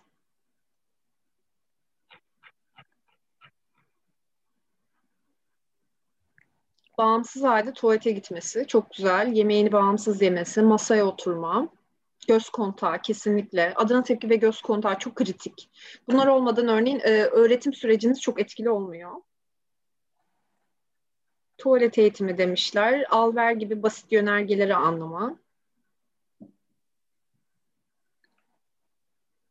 Örneğin e, çok karşılaştığımız bir şey, şöyle bir hatırlatıcı olması açısından sorayım. Çocuklarımız yola çok atlıyor. Örneğin bu yola atlamayı engellemek için hangi yönergeyi çocuğun öğrenmesi çok önemli? Trafik e, olan bir yola. Çocuğunuza ne demeniz, ne dediğinizde çocuğun ne yapması gerekiyor? Bekle. Kesinlikle bekleyi öğretmek gerekiyor. Dur, bekle. Yanıma gel. Çok kritik. Aynen bunlar. Buraya gel de güzel olabilir. Buraya gel. Yani yanıma gel denmiş zaten pardon. Evet, bunlar bizim en kritik becerilerimiz. Peki bizler neler olduğuna e, bakalım şimdi. E, basit komutlar genellikle söylenen temel yönergeleri yerine getirebilme anlamına geliyor aslında ve bir otizmli bir çocukta ilk öğretmeniz gereken şeyler bunlar. Yani e, bunu söylemeden geçemeyeceğim. E, bazı gözlemlediğim e, eğitim etkinliklerinde, farklı kurumlarda çocuklar sabahtan akşama kadar boyama yapıyorlar. Ya da sayfalarca A harfi yazıyorlar. Sayfalarca adını yazıyorlar. Ya da sabahtan akşama kadar bir bultak kovası var. Ya da bir küp şeyi var. Hani içine atıyorlar ya. Sabahtan akşama kadar bütün 45 dakika boyunca çocuk bunu yapıyor. Eşleme kartları. Puzzle yapma. Ya da puzzle yapma. E, tamam çocuğun bunları öğrenmesi lazım ama asıl çocuğa alıcı dil becerileri dediğimiz anlama ilk olarak çocukta anla, insan olduğunda anlama gelişir. Ondan sonra ifade etme gelişir. Peki biz çocuklara anlamaya dair ne öğretiyoruz? Örneğin çocuğunuzla yönerge çalışılıyor mu? Bekle, otur, kalk, buraya gel, bana bak. Bunlar örneğin en temel beceriler. Bunlar olmazsa çocuğa hiçbir şey öğretemezsiniz. Ya da örneğin otizmli bir çocuğa ilk öğretmeniz gereken becerilerden biri ellerini aşağı indirdir. Bunun sebebini ben size sorayım. Chatten cevap e, cevaplamak isterseniz eğer. Neden bir otizmli çocuğa ellerini aşağı indir öğretilmeli? Ya da ellerini cebine koy. Öyle söyleyeyim. Ellerini sıkıyor demiş. Evet bir ailemiz. Otizmin belirtilerinden biridir örneğin. Ellerle ilgili problemler var çocukta. Tekrarlayan davranışı engellemek, ellerine ilgisini azaltmak, öğrenme için olumsuz durum olmasın. Hı hı. Stereotipleri azaltmak için çok güzel. Örneğin çocuk elini ısırıyordur ya da kafasına vuruyordur e, ya da elini sürekli göz hizasında oynatıyordur. Bunlar bizim istediğimiz davranışlar değil. Çünkü çocuklar bunları yaptıkları zaman eğitim ortamından uzaklaşıyorlar. Dolayısıyla bir çocuğa ellerini aşağı indir ya da en alternatif aslında en güzeli ellerini cebine koyu öğretmek gerekiyor. Özellikle elleriyle ciddi problemi olan çocuklar için söylüyoruz. Bunları öğretmediğiniz zaman öğretim faaliyetlerinizin de e, etkililiği düşüyor. Otomatikman düşüyor. Bu konuda sizin varsa eklemeleri. Çok güzel. Hepsini anlattınız zaten. evet. Peki basit yönergeleri e, öğretmeye başlamadan önce pekiştirişleri konuştuk. Ne tür bir pekiştiriş kullanacağınıza karar vermeniz gerekiyor. Eğitim sırasında yani öğretim faaliyetlerinin sırasında bunun çabuk tüketilebilir olmasına dikkat etmeniz gerekiyor. Bu önemli kurallardan biri. Sonra hedef yönergenizi belirlemeniz gerekiyor. Yani o çocuğa oturmayı öğretmek istiyorsanız eğer otur. Buraya gel, gelmek öğre, gelmeyi öğretmek istiyorsanız buraya gel çok net keskin yönergelerinizin olması lazım. E, kalk, zıpla, bana bak gibi e, ve genellikle emir kipli cümlelerle başlıyoruz. E, ve aileler diyor ki benim çocuğuma niye emir veriyorsun sen? Sizce bu kadar yalın bir şekilde yönerge kullanımının sebebi ne olabilir? Neden otur diyoruz? Neden oturur musun demiyoruz. Neden hadi şimdi oturalım değil de otur diyoruz. Çete yazarsak hemen buradan bakalım. Çok güzel Kafa karışık. Evet, kısa ve net olması için çok güzel. Şimdi şey var, ben bir şey hatırlatabilir miyim? Şimdi Tabii. aileler de aslında şöyle düşünün, başka bir ülkeye gittiniz, dili çok sınırlı biliyorsunuz. Etrafınızdaki insanlar da aslında sizin dili sınırlı olarak anladığınızı bildikleri halde deli gibi uzun uzun cümleler kuruyorlar, karmaşık yapılar kullanıyorlar. Ne hissedersiniz? Yani siz gel, git, merhaba, otur, kalk, ye, iç bilirken onlar size böyle hikayelerini anlatıyorlar. Uzun uzun söylüyor. Ya bak bu yemek çok güzel yesene bak harika bak bunun hiç tadına bakmış mıydın falan diyorlar. Halbuki siz sadece ye'yi anlıyorsunuz. Ye, yedim ya da işte yemek bunu anlarken böyle cümleler kuruluyor. Bu sizde ne yaratıyor? Bir sinirleriniz bozuluyor, hayal kırıklığı yaratıyor ve kendinizi belki de onu anlamak için zorluyorsunuz, anlayamıyorsunuz ve bu gerçekten bir strese sebep oluyor sizde değil mi? Ya oluyor. E, şimdi şöyle ben ailelere bunu özellikle e, dil konusunda çocuklarına e, çok küçük yaşlardan itibaren destek vermek isteyen ailelere şu şekilde söylüyorum. Ya çok basit yönergelerle e, ev içerisindeki bütün iletişiminizi sürdürmeye başladığınız anda çocuğunuzun sizi çok daha net anlayıp yönergeleri daha net bir şekilde yerine getirdiğini göreceksiniz. Yani bizim aslında alıcı dili geliştirirken en çok istediğimiz şey ailelerin kullanmış oldukları yapılara dikkat etmeleri. Şimdi şöyle bazen şu oluyor. Mesela aile e, çocuk geliyor işte babasının boynuna sımsıkı sarılıyor. Mesela otizmli bir çocuk. Çalıştığım arkadaşımın çocuğuydu. Ben hep şey diyorum. Bir tane bir, bir tepki olmalı. Dur. Yapma. Ya da olumsuz kullanmamamız için dur. Ya da e, sadece onun anlayabileceği bir şey. İsmini söyleyip bu hareketi bırakmasını sağlayacak bir şey. Onu sen tanıyorsun, o senin oğlun. Ama baba şunu söylüyor. Oğlum bak yapma boğacaksın beni. Ne yapıyorsun öyle falan. O oyun zannediyor. Çocuk onu oyun zannediyor, sarılıyor, daha da böyle sımsıkı sarılıyor falan. Ve bunun bir türlü sonu gelmiyor. Şimdi burada bizim yapmış olduğumuz bir takım yanlışlar var. Yani aslında aynı durumu her gün yaşayan bir babanın tek bir tane sihirli sözcüğü bulup o çocukla onu bir şekilde sistematik olarak kullanması o harekete son verecek. Şimdi ben sizlerden bunu rica ediyorum. Hani aslında o sizin şu anda evde yapmış olduğunuz pek çok şeyin içerisinde belki sizin de hali hazırda bulmuş olduğunuz bir yöntem vardır ama çok kısa, net, çocuğunuzun anlayabileceği ama olumsuzluk içermeyen, yapma, hayır e, gibi şeyler içermeyen, daha olumlu ama oradaki eylemi durdurabilecek nitelikteki sözcükleri belirleyip onları çok sık bir şekilde kullanıp e, bunları çocuğunuzun belki de kelime haznesinde oturtup bir şekilde e, işler hale getirmenizi tavsiye ediyorum. Ee, sonrasında öğretim ortamını hazırlamaya geçiyor. Ee, üçüncü adımda. pekiştireçleriniz hazır olması gerekiyor. İşte bir kutunun içerisinde olabilir, bir oyuncak sepeti olabilir yanınızda ya da yiyecek kullanıyorsanız bir e, hırdavat kutusunun içinde olabilir. E, fiziksel ihtiyaçlarınız hazır mı? Örneğin bir masaya ihtiyacınız var mı ya da bir çocuk sandalyesine ihtiyacınız var mı? Bunlara dikkat ediyor olmanız gerekiyor. Sonrasında uygun pozisyonda oturmak çok önemli. Biz e, maalesef bunu çok fazla görüyoruz. E, benim bir öğretmen olarak eleştirdiğim şeylerden biri. Örneğin çocuğunuza yazı yazımı çalıştırıyorsanız neden karşısında oturuyorsunuz? Şimdi e, benim Nehir'le karşılıklı olduğumu düşünün. Ben Nehir'in eline yardım edeceğim. Bakın karşıdan gidiyorum. Elimi böyle çevirmek zorundayım ona yardım etmek için. Bu fiziksel olarak beni çok zorlayacak bir şey. Aynı zamanda çocukla e, etkinliğin arasına elimi sokuyorum. Yani çocuğun görüş açısını da engelliyorum. Böyle bir durumda çocuğun yanında oturmak, buna el sayın, çocuğun eli sayın. Şu şekilde yardım etmek mi daha kolay, bu şekilde yardım etmek mi daha kolay?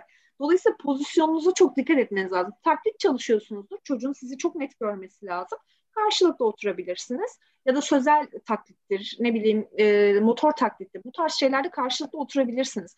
Ama yazı yazma, bir yap, bozu yaptırma gibi şeylerde çocuğun karşısında değil yanında olmaya özen gösterin. Çünkü çocuk yapamadığında yardım etmeniz gerekecek ve fiziksel yardımı sunmanın en güzel, e, kolay yolu ya yanından ya da arkasından sunmaktır.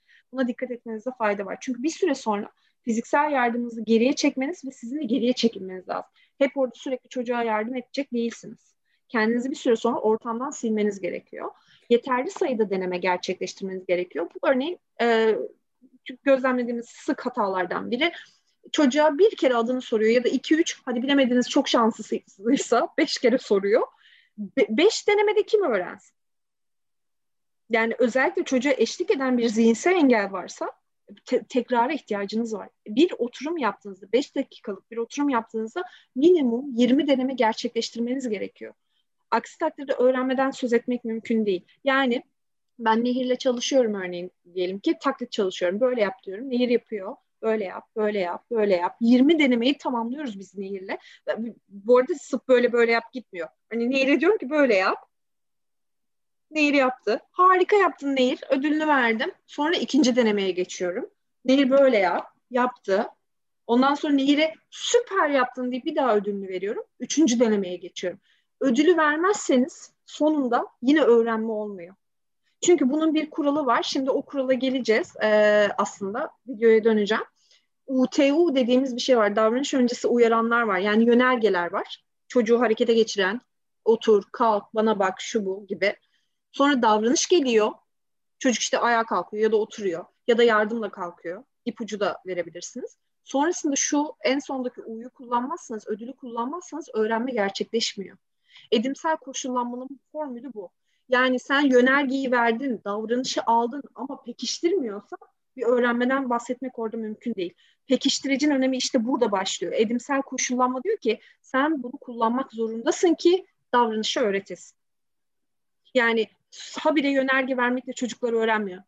Belki e, tesadüf tepkiler veriyor olabilirlerse ama sürekli... Yardım sunmak sadece yine öğretmiyor. Aynen, Aynen. Ya, ya da yardım sunmak sadece kesinlikle öğretmiyor. Bir örnek videomuz var onu izleyelim.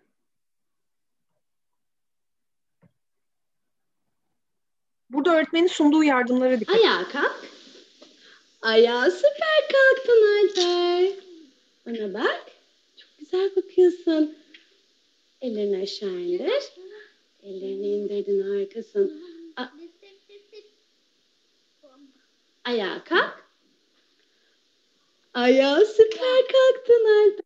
Burada şeyi söylemekte fayda var. Örneğin ayağa kalk yönergesini çalışıyorlar. Daha çocuk bilmiyor. Ve çocuğun hata yapmasına fırsat vermeden çocuğun omzundan tutup öğretmen kaldırıyor. Ve başta yardımlı da olsa pekiştiriyor ki öğrensin diye çocuk. Ama bir süre sonra artık çocuktan ödül vermeden yani yardımsız tepkilerini isteyecek. Yardım sunmadığı tepki, yardım sunmadan tepki aldığı zaman ödül kullanmaya başlayacak. Başta yine yardımlı da olsa pekiştiriyoruz öğrenmesi için. Ama bir süre sonra atıyorum 2-3 oturum sonra e, ödülünüzü sadece ipucu kullanmadığınızda çocuk bunu yaptığında vermeniz gerekiyor. Bana bak. Ayağa kalk. Ayağa harika kalktın süpersin. Çok güzel bakıyorsun. Alper.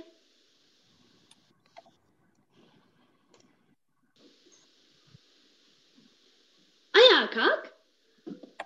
Ayağa harika kalktın. Bak. Kazandın süpersin.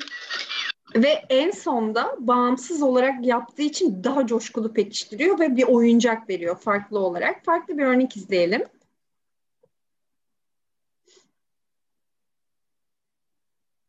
Ayağa kalk. Ayağa kalktın. Harikasın. Dön.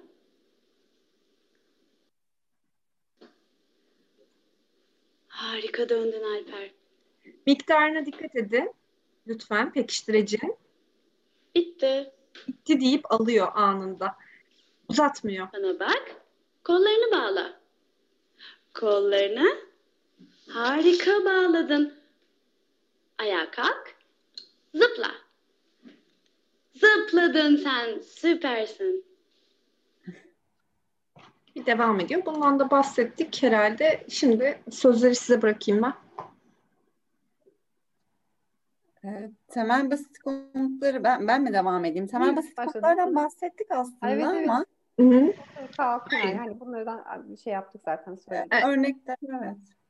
Alkış yapmak. Ee, bu ilkokullarda çok kullanılan bir davranış. Özellikle okul öncesinde ilkokulda. O yüzden öğretilebilir. Bana bak çok kritik bir davranış. Bakmayan çocuğa yönerge ver. Yani bu arada bana bakın e, illa oturup da çocukla karşılıklı çalışmanız gerekmiyor. Örneğin çocuğa bir yönerge verirken atıyorum böyle yap diyeceksiniz ama öncesinde bana bak derseniz ve bunu her defasında istisnasız bir şekilde uygularsanız o çocuğa maksimum iki ya da üç ayda bakmayı öğretirsiniz. Ee, dikkat etmeniz önemli sürekliliğiniz önemli. Bay bay yap. Bu da çok sık kullandığımız bir yönerge. Öğretilmeli. Ellerini aşağı indirip konuştuk. Zaten ellerini cebine koydu. Aynı şekilde ve buraya geldi. Ayağa kalkıp ve otur. Buraya ilgili bu arada çalışırken e, evde eğer çalışıyorsanız e, bir, birinin yanınızda olması iyi olur. Çünkü çocuğa buraya gel diyorsunuz ama sizin onu e, buraya getirmeniz için onu sizin yanınıza gelip çekmeniz gerekecek yani çocuğu. E, siz yönerge veren kişi olun ama uzakta çocuğu yani çok da uzak olmayacak şekilde çocuğu bekleyin. Çocuğun arkasında başka bir yardım sunacak kişi olsun. Aynen Durmuş Bey. Fiziksel yardım sunacak kişi olsun ve e, siz bana gel buraya gel dediğinizde ya da bana gel dediğinizde neyse çocuğu arkadan it, e, yani hafifçe e, itleyerek size yönlendirsin. Kusura bakmayın artık günün son saatleri olduğu için e, biraz benim Bir şey söyleyeceğim ben bir de. Şimdi burada zaten pek çok şeyden bahsettik, basit komutlardan bahsettik de ben bir şey hatırlatmak istiyorum. Bu da yine böyle bir çok kaygı uyandıran bir şey. Rehabilitasyon merkezine çocuk başlıyor mesela, otizmli bir çocuk. E, ailesi rehabilitasyon merkezine götürüyor. Öğretmen diyor ki işte kalk, ayağa kalk, bana bak, e, alkış yap. Ondan sonra işte ellerini kaldır, ellerini aşağı indir. Bunları çalışıyor. Şimdi aile geliyor bana diyor ki hocam sadece bildiği şeyler çalışılıyor. Yani e, çocuklar hiç doğru düzgün bir şey yapmıyorlar. Sadece bunları çalışıyorlar. Ben anlamadım. Bunları zaten biliyordu benim çocuğum diyor. Ancak şöyle bir şey var. E, otizmli çocuklarda özellikle bu tarz yönergeleri alırken ve öğrenilmiş belirli davranışlarda e, kişiler arası genelleme, ortamlar arası genelleme gibi durumlarda söz konusu olmakta. Bu yüzden belirli bir süre böyle beceriler e, çalışılabilir çocuğunuzda. Ancak tabii ki bunun takibini siz yapacaksınız. E, sonraki aşamada yani şunu da görüyoruz maalesef. Ya 6 ay boyunca hani ayağa kalkmayı çalışma gibi bir durum Onu söz konusu da Evet. olabiliyor. Maalesef hani e, bu artık hani şeyden çıkmış oluyor. İhmal veyahut da sadece zaman doldurma olarak düşündüğüm beceriler. Ya da işte ben hala işte göz teması kurma çalışıyorum. Bana bak çalışıyorum. Çünkü bunu bunu başaramadan diğer Aynen. Bir de evet. diyen öğretmenlerimizle de karşılaştık. Burada Aynen. ayarı siz çok iyi biliyorsunuz aslında aileler olarak. Siz de evde aynı etkinlikleri yaparsanız e, aslında çocuğunuzun bu konularda ne kadar yetkin olduğunu veyahut da ne kadar ilerleme kaydettiğini görebilirsiniz. O yüzden oradaki programları yakından takip edin. Yani çocuğunuzla 6 ay boyunca ayağa kalk, otur, kolunu kaldır gibi e, becerilerin çalışılmasının gerekli olup olmadığını da lütfen test edin. Bu belki gerekli olabilir. Hani ben tam, tam anlamıyla ya gereksiz her çocuk için çok genel bir ifade kullanmak çok zor benim için ama ailelerden gelen bu tarz kaygılarla ilgili ben böyle bir öneride bulunuyorum.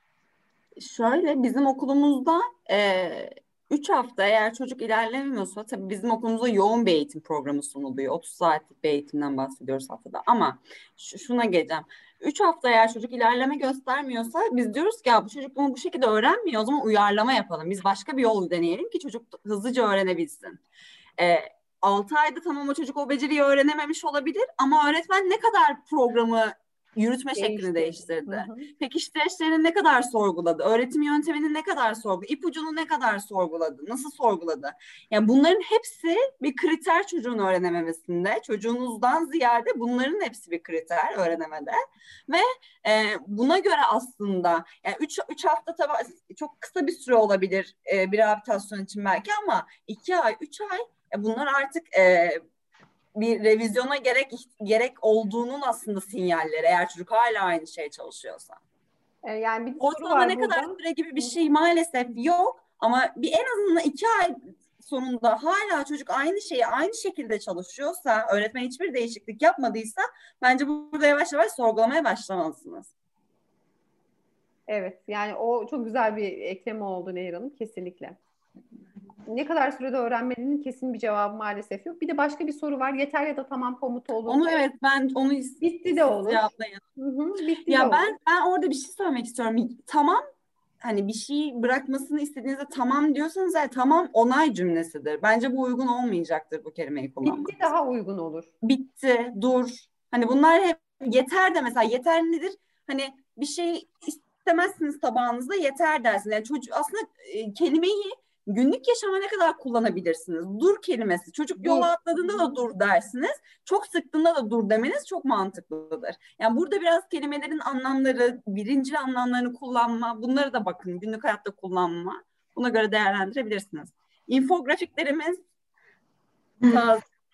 Evet aslında burada biraz size kaynaklarımızı göstermek istiyoruz. Biz konumuzun sonuna geldik ama burası sizler için çok kritik. Özellikle biz ailelere e, lütfen duyanlar duymayanları anlatsın bu kısmı. Örneğin Otizm dergisiyle de paylaştık. Sağ olsunlar onlar da web sitelerine koymuşlar. Bu konularla ilgili sürekli bir infografik geliştiriyoruz. E, basit hap bilgiler var sadece içinde görsellerle ve örneklerle. Bu infografikleri inceleyebilirsiniz. Hem Otizm dergisinden hem de tohumotizmportali.org adresinden. Şimdi sizlere ben tohumotizmportali.org adresini bir göstermek istiyorum.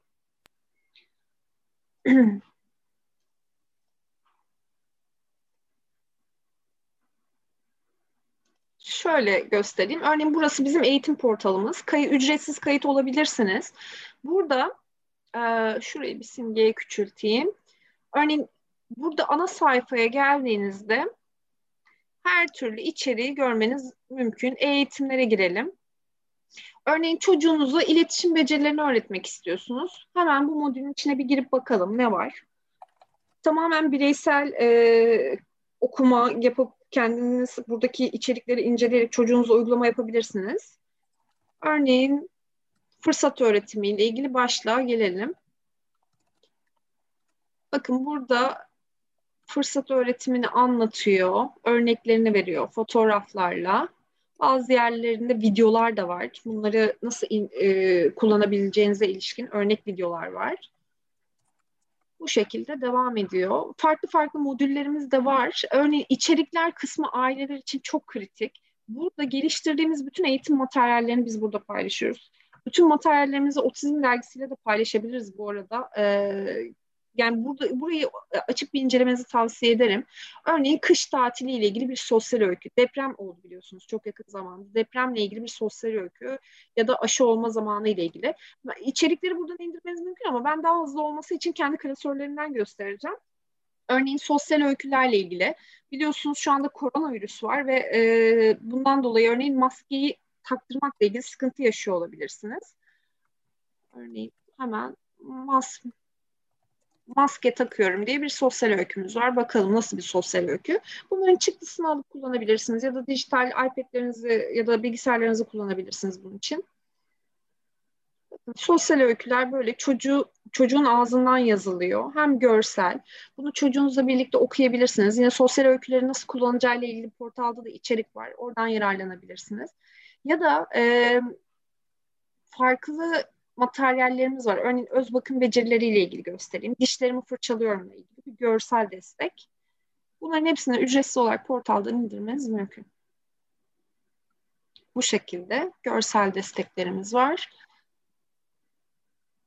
Örneğin tuvalet becerisi sıralama kartları. Bunu da tuvalet becerisini öğretirken yararlanabileceğiniz kaynaklardan biri.